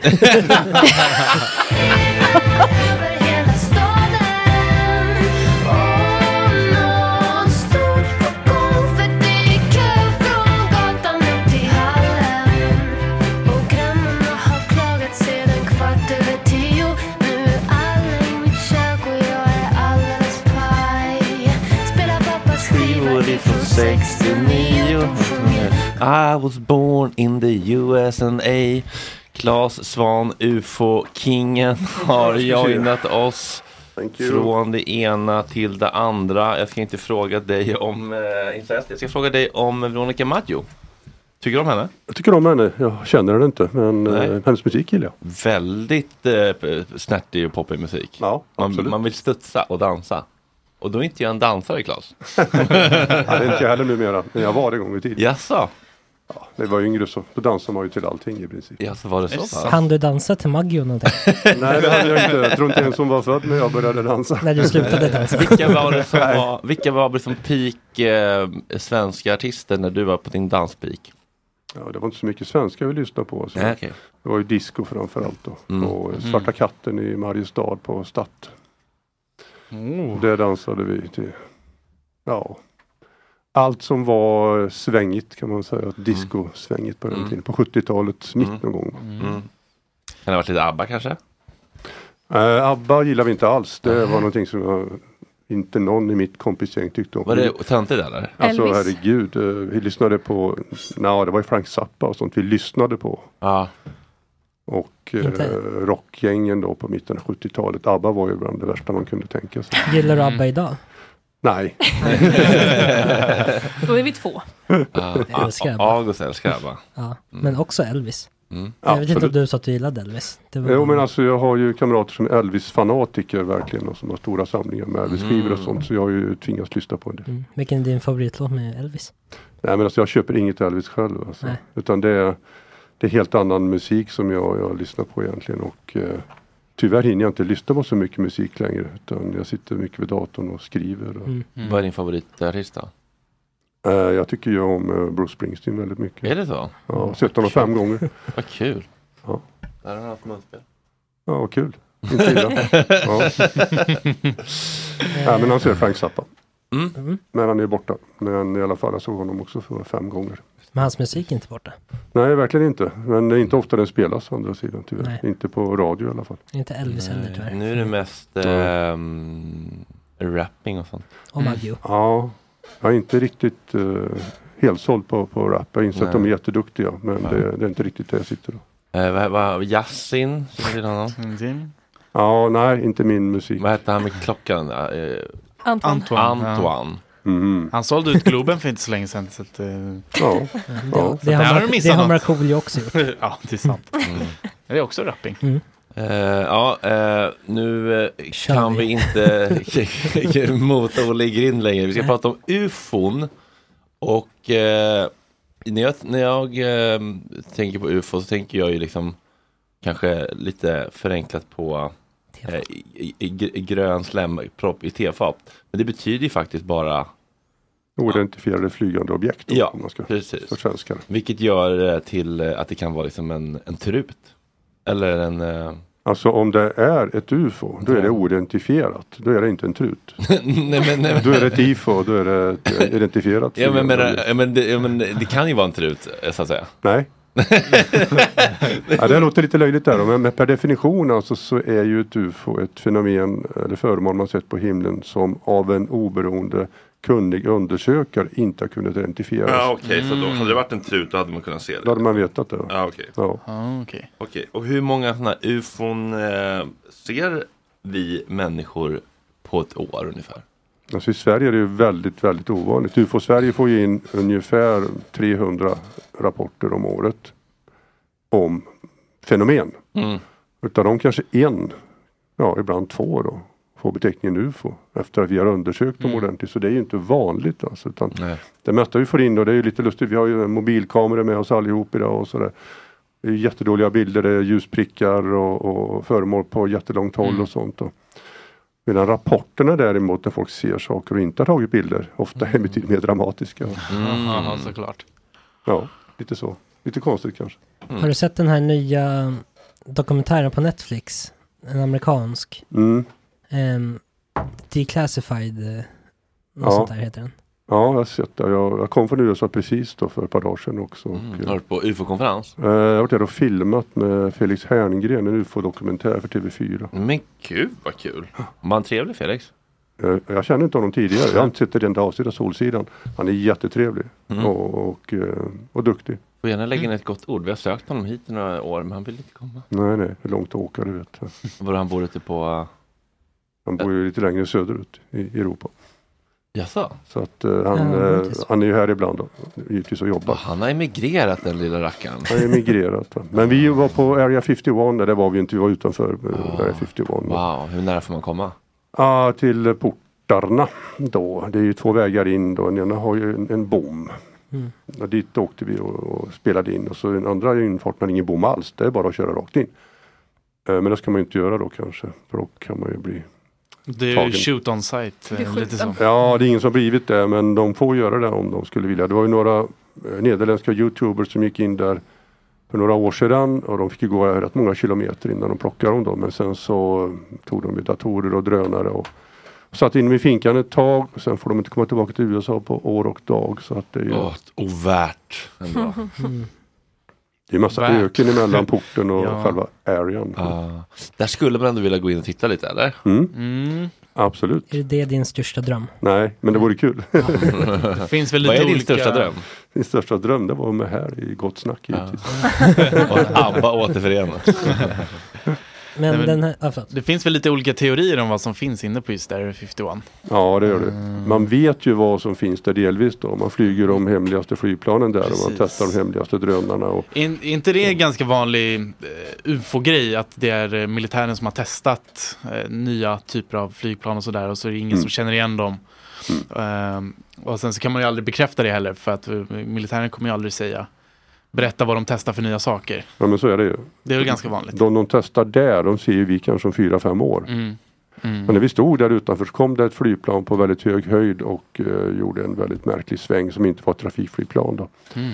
Så de flyger ju både på hö hög höjd och låg höjd. Eh, alla de här stealthflygplanen då som inte går att se på radar, de flögs ju där åratal innan de sattes in då på riktigt till exempel. Mm. Men jag tänkte på den här dokumentären som kom. Mm. Där pratar man, jag har inte sett hela. Jag börjat bara, men där pratar man ju om att eh, de här ufona eh, ofta dyker upp vid eh, kärnvapen och sånt där.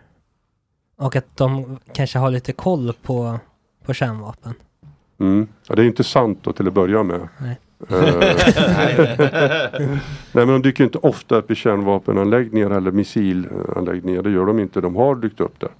Men sett över hela världen så är ju just sådana platser ovanliga. Mhm. Det är vanligt att det dyker upp lite var som helst. Mm. Snarare. Och sen är det så att vid militära anläggningar har man ju säkert många sensorer. Man har ju kameror, man har radar och så vidare. Så då upptäcker man ju saker som flyger. Ute på bondvischan så har man kanske inte det. Va? Nej. Men det ser ju kanske då folk istället det som händer. Så att eh, det är lite biased om man säger så. Det blir en övervikt tack vare att man kan se saker kring militära anläggningar. Men det finns statistik som visar att det är inte vanligare kring militära anläggningar än någon annanstans.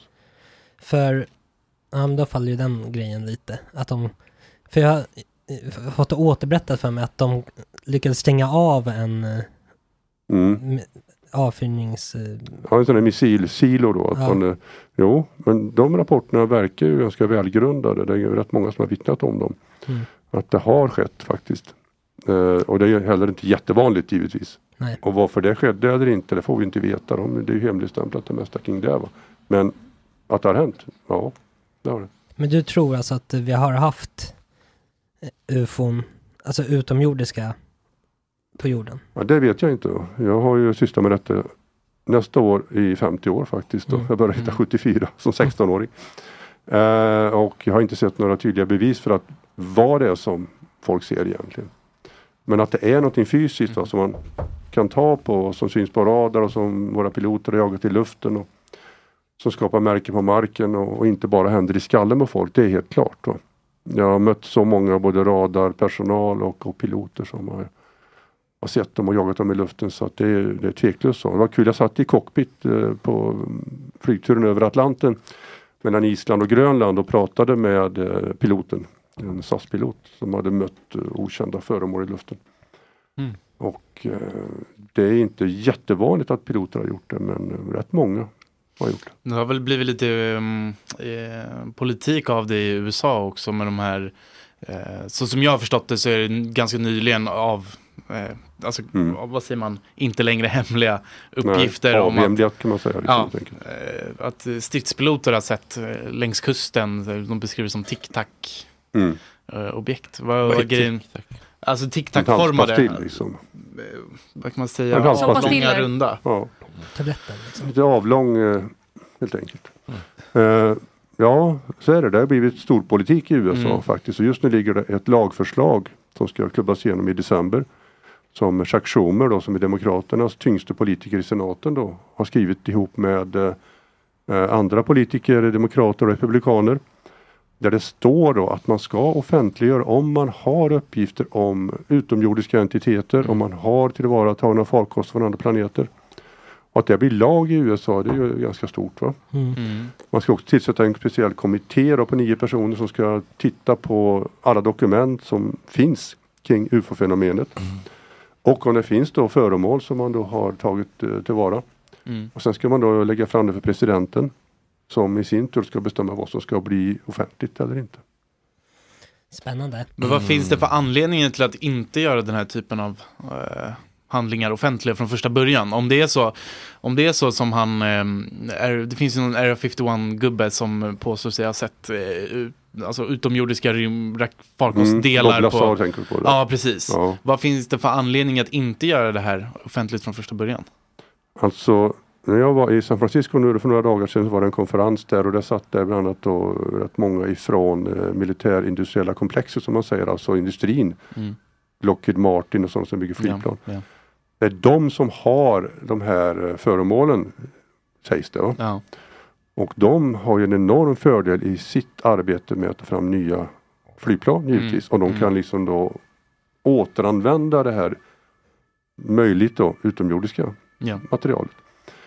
Så de vill ju inte att det här ska offentliggöras. Mm, De vill ju att detta ska fortsatt vara hemligt. Alltså det finns starka krafter som verkligen inte vill det. alltid kapitalistiska krafter bakom allt skit här i världen. Ja i det här fallet det är är det väl det. väldigt starka och det är ju mångmiljard dollar industri vi pratar om. Ja, det är jävligt spännande. Ja. Nu känner jag att jag lagt in alldeles för mycket i den här dokumentären som inte stämde nu i mina frågor. Ja. Men där, det var också en del, man pratade om att eh, anledningen till att man mörkar så mycket Mm. också är för att eh, om det skulle finnas en utomjordisk makt som är mycket mer högteknologisk än vad, vad vi är. ehm, att ma- maktbalansen då skulle eh, förändrats i världen. USA skulle inte vara, ha samma makt liksom, om man vet att det finns andra som är mycket starkare, som Mm. ändå påverkar liksom. Ja. Och att det också kan vara en anledning till att man inte vill släppa ut att det finns. Mm. Alltså det har ju getts många anledningar genom åren. Det skulle vara Ja. att våra religiösa system skulle braka ihop och, och Ja. eh, sociala nätverket skulle krackelera och så vidare. Och nu säger David Grush då som är den som har vittnat inför kongressen här under, under tidiga hösten. Han säger ju att det finns då de här farkosterna och det finns uh, utomjordingar då som har tagit tillvara. Alltså eh, levande. Mm, både levande och döda som det verkar. Va? Han har inte sett där själv, han har pratat med 40 personer som säger att han har, de har gjort det. Det är väl jättespännande. Det är skitspännande. Och då säger han också då, för att komma till din fråga här egentligen då, att eh, det gäller även ryssar och kineser, att de också har tagit tillvara sådana här. Mm. Så hur maktbalansen skulle rubbas, det vet man inte, även om, om de också har samma sak då. då och kanske står 1-1 då på något vis. Mm. Eh, om detta är sant eller inte, det ska ju utredas förhoppningsvis då av kongressen. Det är fantastiska vittnesmål givetvis och han låter trovärdig. Och han har då ändå, han tror på detta själv i alla fall. Otroligt. Vad är för Ja. De vittnesmålen vill man ju höra. Ja, verkligen. Ja det vill man ju. Grush själv är ju underrättelseofficer sedan 14 år tillbaka och eh, har haft tillgång till hemligt material som ing- inte så många andra har haft tillgång till i sitt arbete. Och det är där han då har sett det här och fått de här kontakterna. Det känns ju lite som tyvärr att oavsett hur högt upp man kommer eh, Alltså oavsett lite vem det är som berättar, även om det är en underrättelseofficer liksom, så finns det alltid någonting över som inte riktigt kommer låta allting bli offentligt. Ja. Alltså, det, man, får lite man blir lite konspiratorisk och får känslan av att det är lite, de ger oss lite, lite granna Ja. för att kunna dölja den stora, stora mängden information och samlade objekt och Men det ligger väl data. någonting i det va? Att, eh, Lugna massorna typ eller? Ja, precis. precis. Den som har lite- kunskap som inte andra har, eh, har ju makt och sitter gärna på den kunskapen för att eh, Mm. bibehålla sin makt. Mm. Men vad säger du om de här eh, kropparna man har hittat då? Typ i Sibirien och, och sånt där. Eh, I Sibirien, ja jag vet inte riktigt vad du syftar på där. Det Faktiskt. kanske inte var Sibirien, men att man har hittat eh, någon sån utomjordisk Det var, kropp. det, var i Mexiko väl? det var ju någon som is- kom och presenterade eh, Ja, det var Jamie Mason då som presenterade detta i, i Mexiko för någon månad sedan nu då. Mumifierade kroppar då som skulle hittas i Peru då. Det känns ju lite skakigt tycker jag va. Men eh, det har funnits väldigt många rapporter om kroppar genom åren. ja, Och hade det varit klart att det hade varit utomjordiska kroppar hade vi ju haft Ja, då hade vi vetat om det nu på riktigt. Va? Då hade Ja. riktiga forskare ja, men exakt. konstaterat det. Ja. Mm. Så jag håller mig lite iskall tror jag. Gentemot de här fynden. Mm, Okej. mm. Ja. Tråkigt. Men eh, hur ser det ut med ufon i eh, Sverige? Vad är det för typ av eh, eh, rapporter som görs och vad, liksom, har man bekräft, vad är det för typ av bekräftade ufon som syns här? Ja, det är högt och lågt då givetvis. Det är Ja. allt som jag nämnde då ljusprickar som Mm. folk plåtar med sina mobilkameror till att man har mött då farkoster som Mm. har gått ner på marken och att man har sett varelser. Det är hela, hela den paletten. Ja, ja, ja. Jag lämnade bokmanus igår då, till en ny bok som jag har skrivit och eh, där tar jag upp bland annat då rätt många militära observationer, radarfall där radarpersonal har sett föremål som har flugit då oerhört snabbt över radarskärmen. Mm. Och i ett fall så var de eh, sju personer som såg detta. Dels med blotta ögat utanför radaranläggningen och dels då inne i radaranläggningen. Så det känns ganska stabilt. Va? Det är väl ganska återkommande för de här militära observationerna att det går väldigt fort och de rör sig. Mm. De kan stanna liksom på en Stanna upp och ner, höger, Mm. vänster och det går väldigt fort. Det är väl Ja. ganska återkommande. Ja, jo, det är inte alls ovanligt. Eh, när man tittar på de rapporter som var från USA nu de senaste tio åren så är det väldigt mycket rapporter kring väldigt långsamgående föremål också Okej. faktiskt. Men att eh, jag pratade med en pilot som heter Ryan Graves som eh, flög eh, F-18 Super Hornet. Han är pensionär nu och sedan några år tillbaka vilket innebär att han är knappt är 40 år. Då. Eh, men han mötte de här föremålen då i luften eh, som han säger till mig då varje dag. De tränade ju över Atlanten Mm. och de flög upp till sitt träningsområde där och så höll de på med sina övningar där uppe i någon timme kanske och då fanns de här okända föremålen där. Och när de lämnade området så var de kvar där. Och de flög väldigt långsamt de flesta av dem. Men eh, de flög väldigt länge. De flög mycket längre än vad F-18 piloterna kunde stanna uppe. Men kunde de inte åka nära då eller? Ja, så de såg dem på radar och infrarött. Eh, I några få tillfällen såg de dem för blotta ögat. Vid ett tillfälle var två piloter nära att kollidera med dem. Eh, och eh, det man såg då det var en eh, genomskinlig badboll med en svart låda i mitten. Så det ser inte ut som man tänker sig uh, Arkivex-grejer eller flygande tefat utan det är någonting helt annat. Ja. Men man gjorde liksom inga... Nej, man gick inte nära dem av det skälet att eh, man hade sina övningar. Va? Man höll på med sitt. Ja men vad fan. Ja. Vad fan. ja, men, Ja, man kan tycka det. Va? Verkligen. Lite så. Bomba ner dem och se vad som finns i den där svarta men lådan tycker ta jag. och, och bredvid och ta en bild eller någonting. Ja. Ja, det finns ju filmer då. Ni nämnde ju det här också. Mm. Att eh, släpptes då 2017 släpptes det ju tre filmer som inte var hemliga, vilket många har trott. Men de var offentliga, det var folk kände inte till dem. Mm. Men de offentliggjordes då och eh, det ser man då piloter som möter de här föremålen i luften. Och man ser dem på infrarött så man ser inte hur de ser ut. Man ser alltså bara värmekällan ifrån dem. Mm. Så någon typ av framdrivningsmekanism finns ju sannolikt då på de här föremålen som de utstrålar värme. Va? Och eh, de här filmerna har ju ifrågasatts på många sätt. De har ju inte undersökts riktigt bra tycker då utomstående forskare. Mm. Och några av dem har ju också fått sin förklaring. Men eh, de är ändå spännande. Den visar att det finns ännu, det finns ännu fler filmer som har släppts av Mm. US Border and Protection Control till exempel nu eh, för en månad sedan där man ser föremål i dag, dagsljus då, som flyger fram på låg höjd och till och med ett, av dem landar då. Ganska litet föremål som landar. Litet eh, som i en snusdosa eller litet som en liten bil. Nej, lite som i eh, någonting däremellan ska jag säga. Ah, okej. Ja, Ehm, coolt. Ja, lite coolt då. Men- Men, vi får inte veta någonting om detta. Det är, det är ju hemligt så tillvida att filmerna är offentliga men de berättar egentligen inget om dem.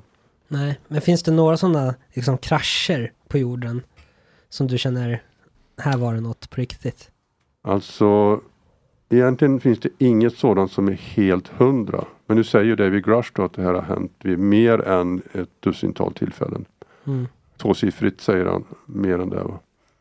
Ehm, så det kanske gör då, men de krascher som har publicerats tidigare, Roswell känner många till Mm. till exempel. Då, känns ju inte riktigt sådär hundra. Och eh, det finns ganska många sådana genom åren. Så det krävs nog att man plockar fram någonting nu då som är på riktigt verkligen. Att man visar att det finns eh, exotiskt material som man kallar det här Mm. materialet för. Va? Men varför känns inte den eh, riktig då? Alltså det man har kommit fram till det, mycket tyder ju på att det ändå var någon typ av eget amerikanskt experiment som havererade. Mm. Sen har det blivit en mytologi kring detta som är ganska omfattande. Mm. Många vittnen kommer fram liksom årtionden efteråt och de har knappt varit med om någonting själva utan det är deras pappa eller farfar eller något sånt där. Mm. Mm. Så det, den känns inte riktigt som den som jag vill lyfta fram i alla fall. Det är den som är mest känd däremot. Hur många tjejer är jätteintresserade av ufon? En bra fråga faktiskt, det är inte så många. Det är ungefär eh, samma procent som sitter här runt bordet då. Ja, varför tror du att det är så? Ja, jag vet inte. Vi är vi fem stycken här nu va? En är tjej. Det, det är ungefär så det ser ut i UFO-branschen också. Varför tror du att det är så? Ehm, ja. Alltså det känns nog som att vi kvinnor är mer realistiska. Vi går nog inte runt och tänker liksom på saker som inte finns så. Eh, vi är inte spekulanter direkt. Det är nog det. det. Alltså, jag, tycker att det. Jag tycker det är fascinerande. Alltså, men det är nog inget som jag skulle lägga min fritid på. Eh, men skulle jag se någonting då skulle jag såklart börja reflektera lite mer över det. Ja. Eh, ja, det är vad jag tror. Vad tror Claes? Det man kan se är ju då att när det gäller den mjukare delen utav UFO-frågan, alltså den andliga delen, att man eh, kan eh, under meditation till exempel resa till andra stjärnsystem och sånt. Och, eh, Sånt tror vi på precis. Det är, drar väldigt mycket mer kvinnor. Väldigt mycket mer kvinnor. Men däremot har ju flygande tefaten, som det var från början då, blivit en teknologisk historia och teknik har alltid intresserat män. Eh, så att det, för det börjar som nuts and bolts, alltså skruvor och muttrar. Egentligen. Och då var det många unga killar som tyckte att det där var oh, häftiga flygplan ungefär. Jag upplever att du inte rikt- riktigt är övertygad. Jag är rätt övertygad om att det finns okända fenomen som vi inte har Du har är på. övertygad om det? Ja det är jag. Sen vad de här är för någonting, det vet jag inte. Nej. Men i, vilket fall är du övertygad då? Därför att jag har säkert intervjuat långt över 1500 personer genom åren och undersökt vad de har varit med om. Mm. Och jag har ju sett att det de har varit med om, ofta kan det vara flera personer samtidigt som har sett saker, har varit fysiska. Man har sett dem på radar ibland samtidigt som man har sett dem för blotta ögat. Och eh, det har gjort mig övertygad om att de här fenomenen finns på riktigt. Att det inte är hjärnspöken. Sen som sagt vilka de är eller vad det är, det vet jag inte. Då blir det, Mm. ja, får spekulera verkligen. Men du, har du några så här bilder eller någonting som du kan tipsa om att det här känns på riktigt?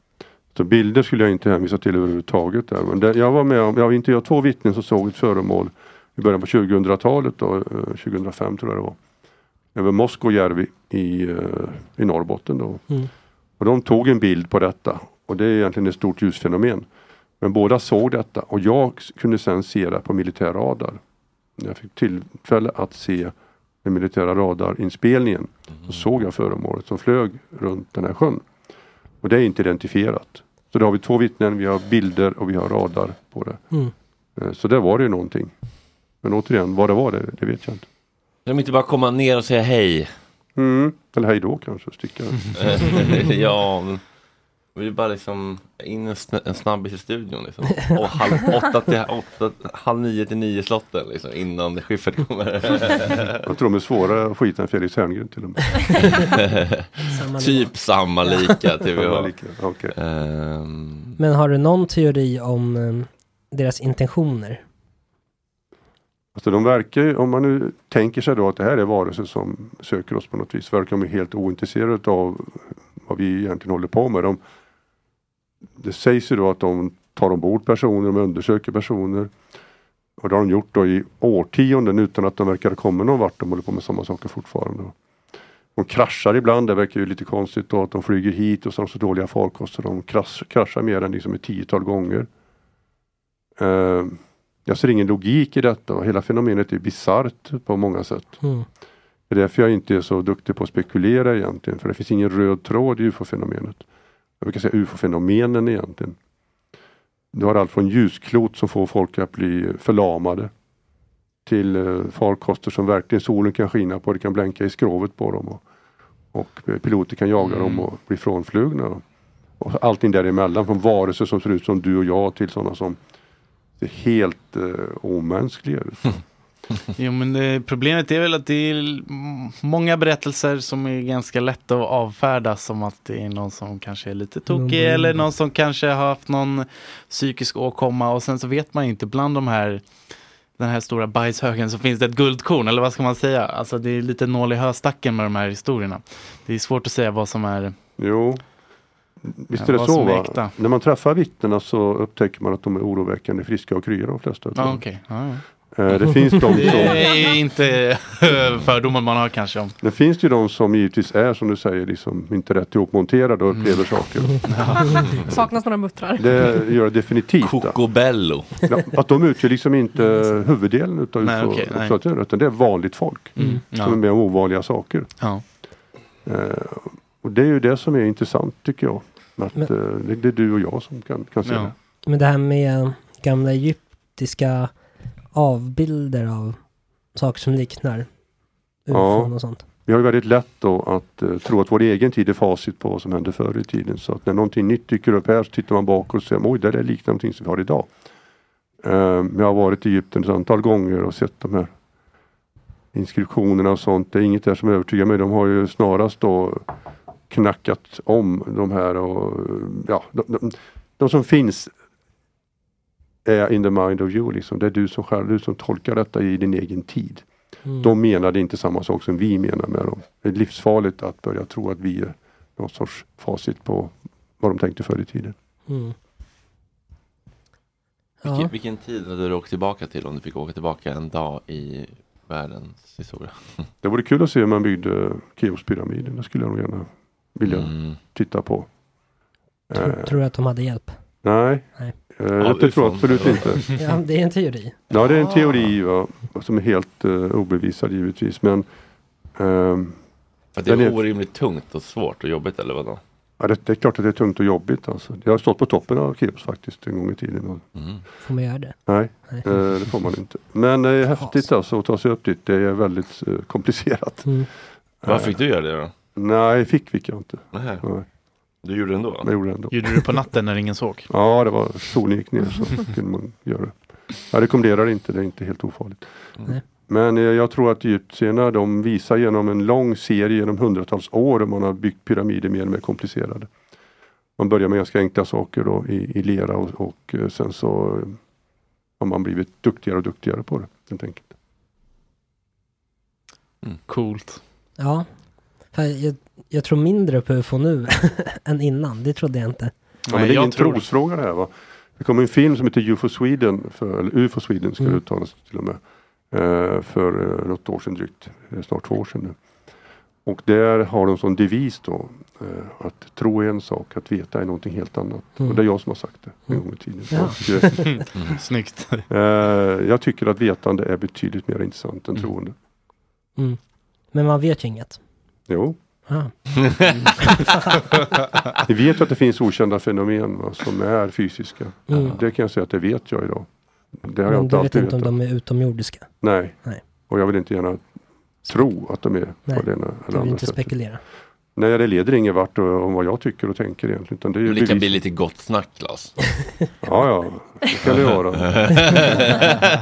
Mm, Det har vi ändå tycker jag. Ja, det tycker jag faktiskt. Jag är lite överraskad ändå att jag, eh, jag dissocierade inte fullständigt i den här konversationen alls. Nej. faktiskt. Titta. Jag, eh, jag, jag fann mig själv mer intresserad än vad jag trodde. Ja. Mm. Ni gick också in på en bra grund med Bruce och sånt. Det var väldigt, väldigt bra att vi hade Bruce. Mm. Ja, vad trevligt. Det var en bra ingång Ja. för mig. Ja, för mig med. Ja.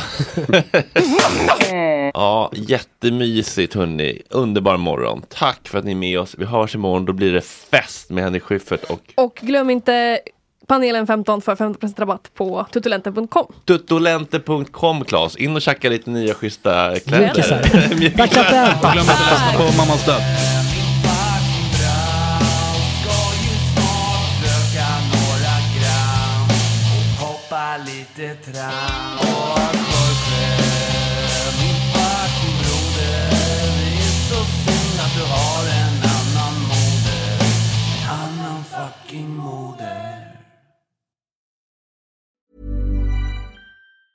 Planning for your next trip? Elevate your travel style with Quince. Quince has all the jet setting essentials you'll want for your next getaway, like European linen, premium luggage options, buttery soft Italian leather bags, and so much more. And is all priced at 50 to 80% less than similar brands. Plus, Quince only works with factories that use safe and ethical manufacturing practices. Pack your bags with high-quality essentials you'll be wearing for vacations to come with Quince. Go to quince.com slash pack for free shipping and 365-day returns. Imagine the softest sheets you've ever felt. Now imagine them getting even softer over time. That's what you'll feel with Bowl and Branch's organic cotton sheets. In a recent customer survey, 96% replied that Bowl and Branch sheets get softer with every wash. Start getting your best night's sleep in these sheets that get softer and softer for years to come. Try their sheets with a 30-night guarantee. Plus, get 15% off your first order at bowlandbranch.com. Code BUTTERY. Exclusions apply. See site for details.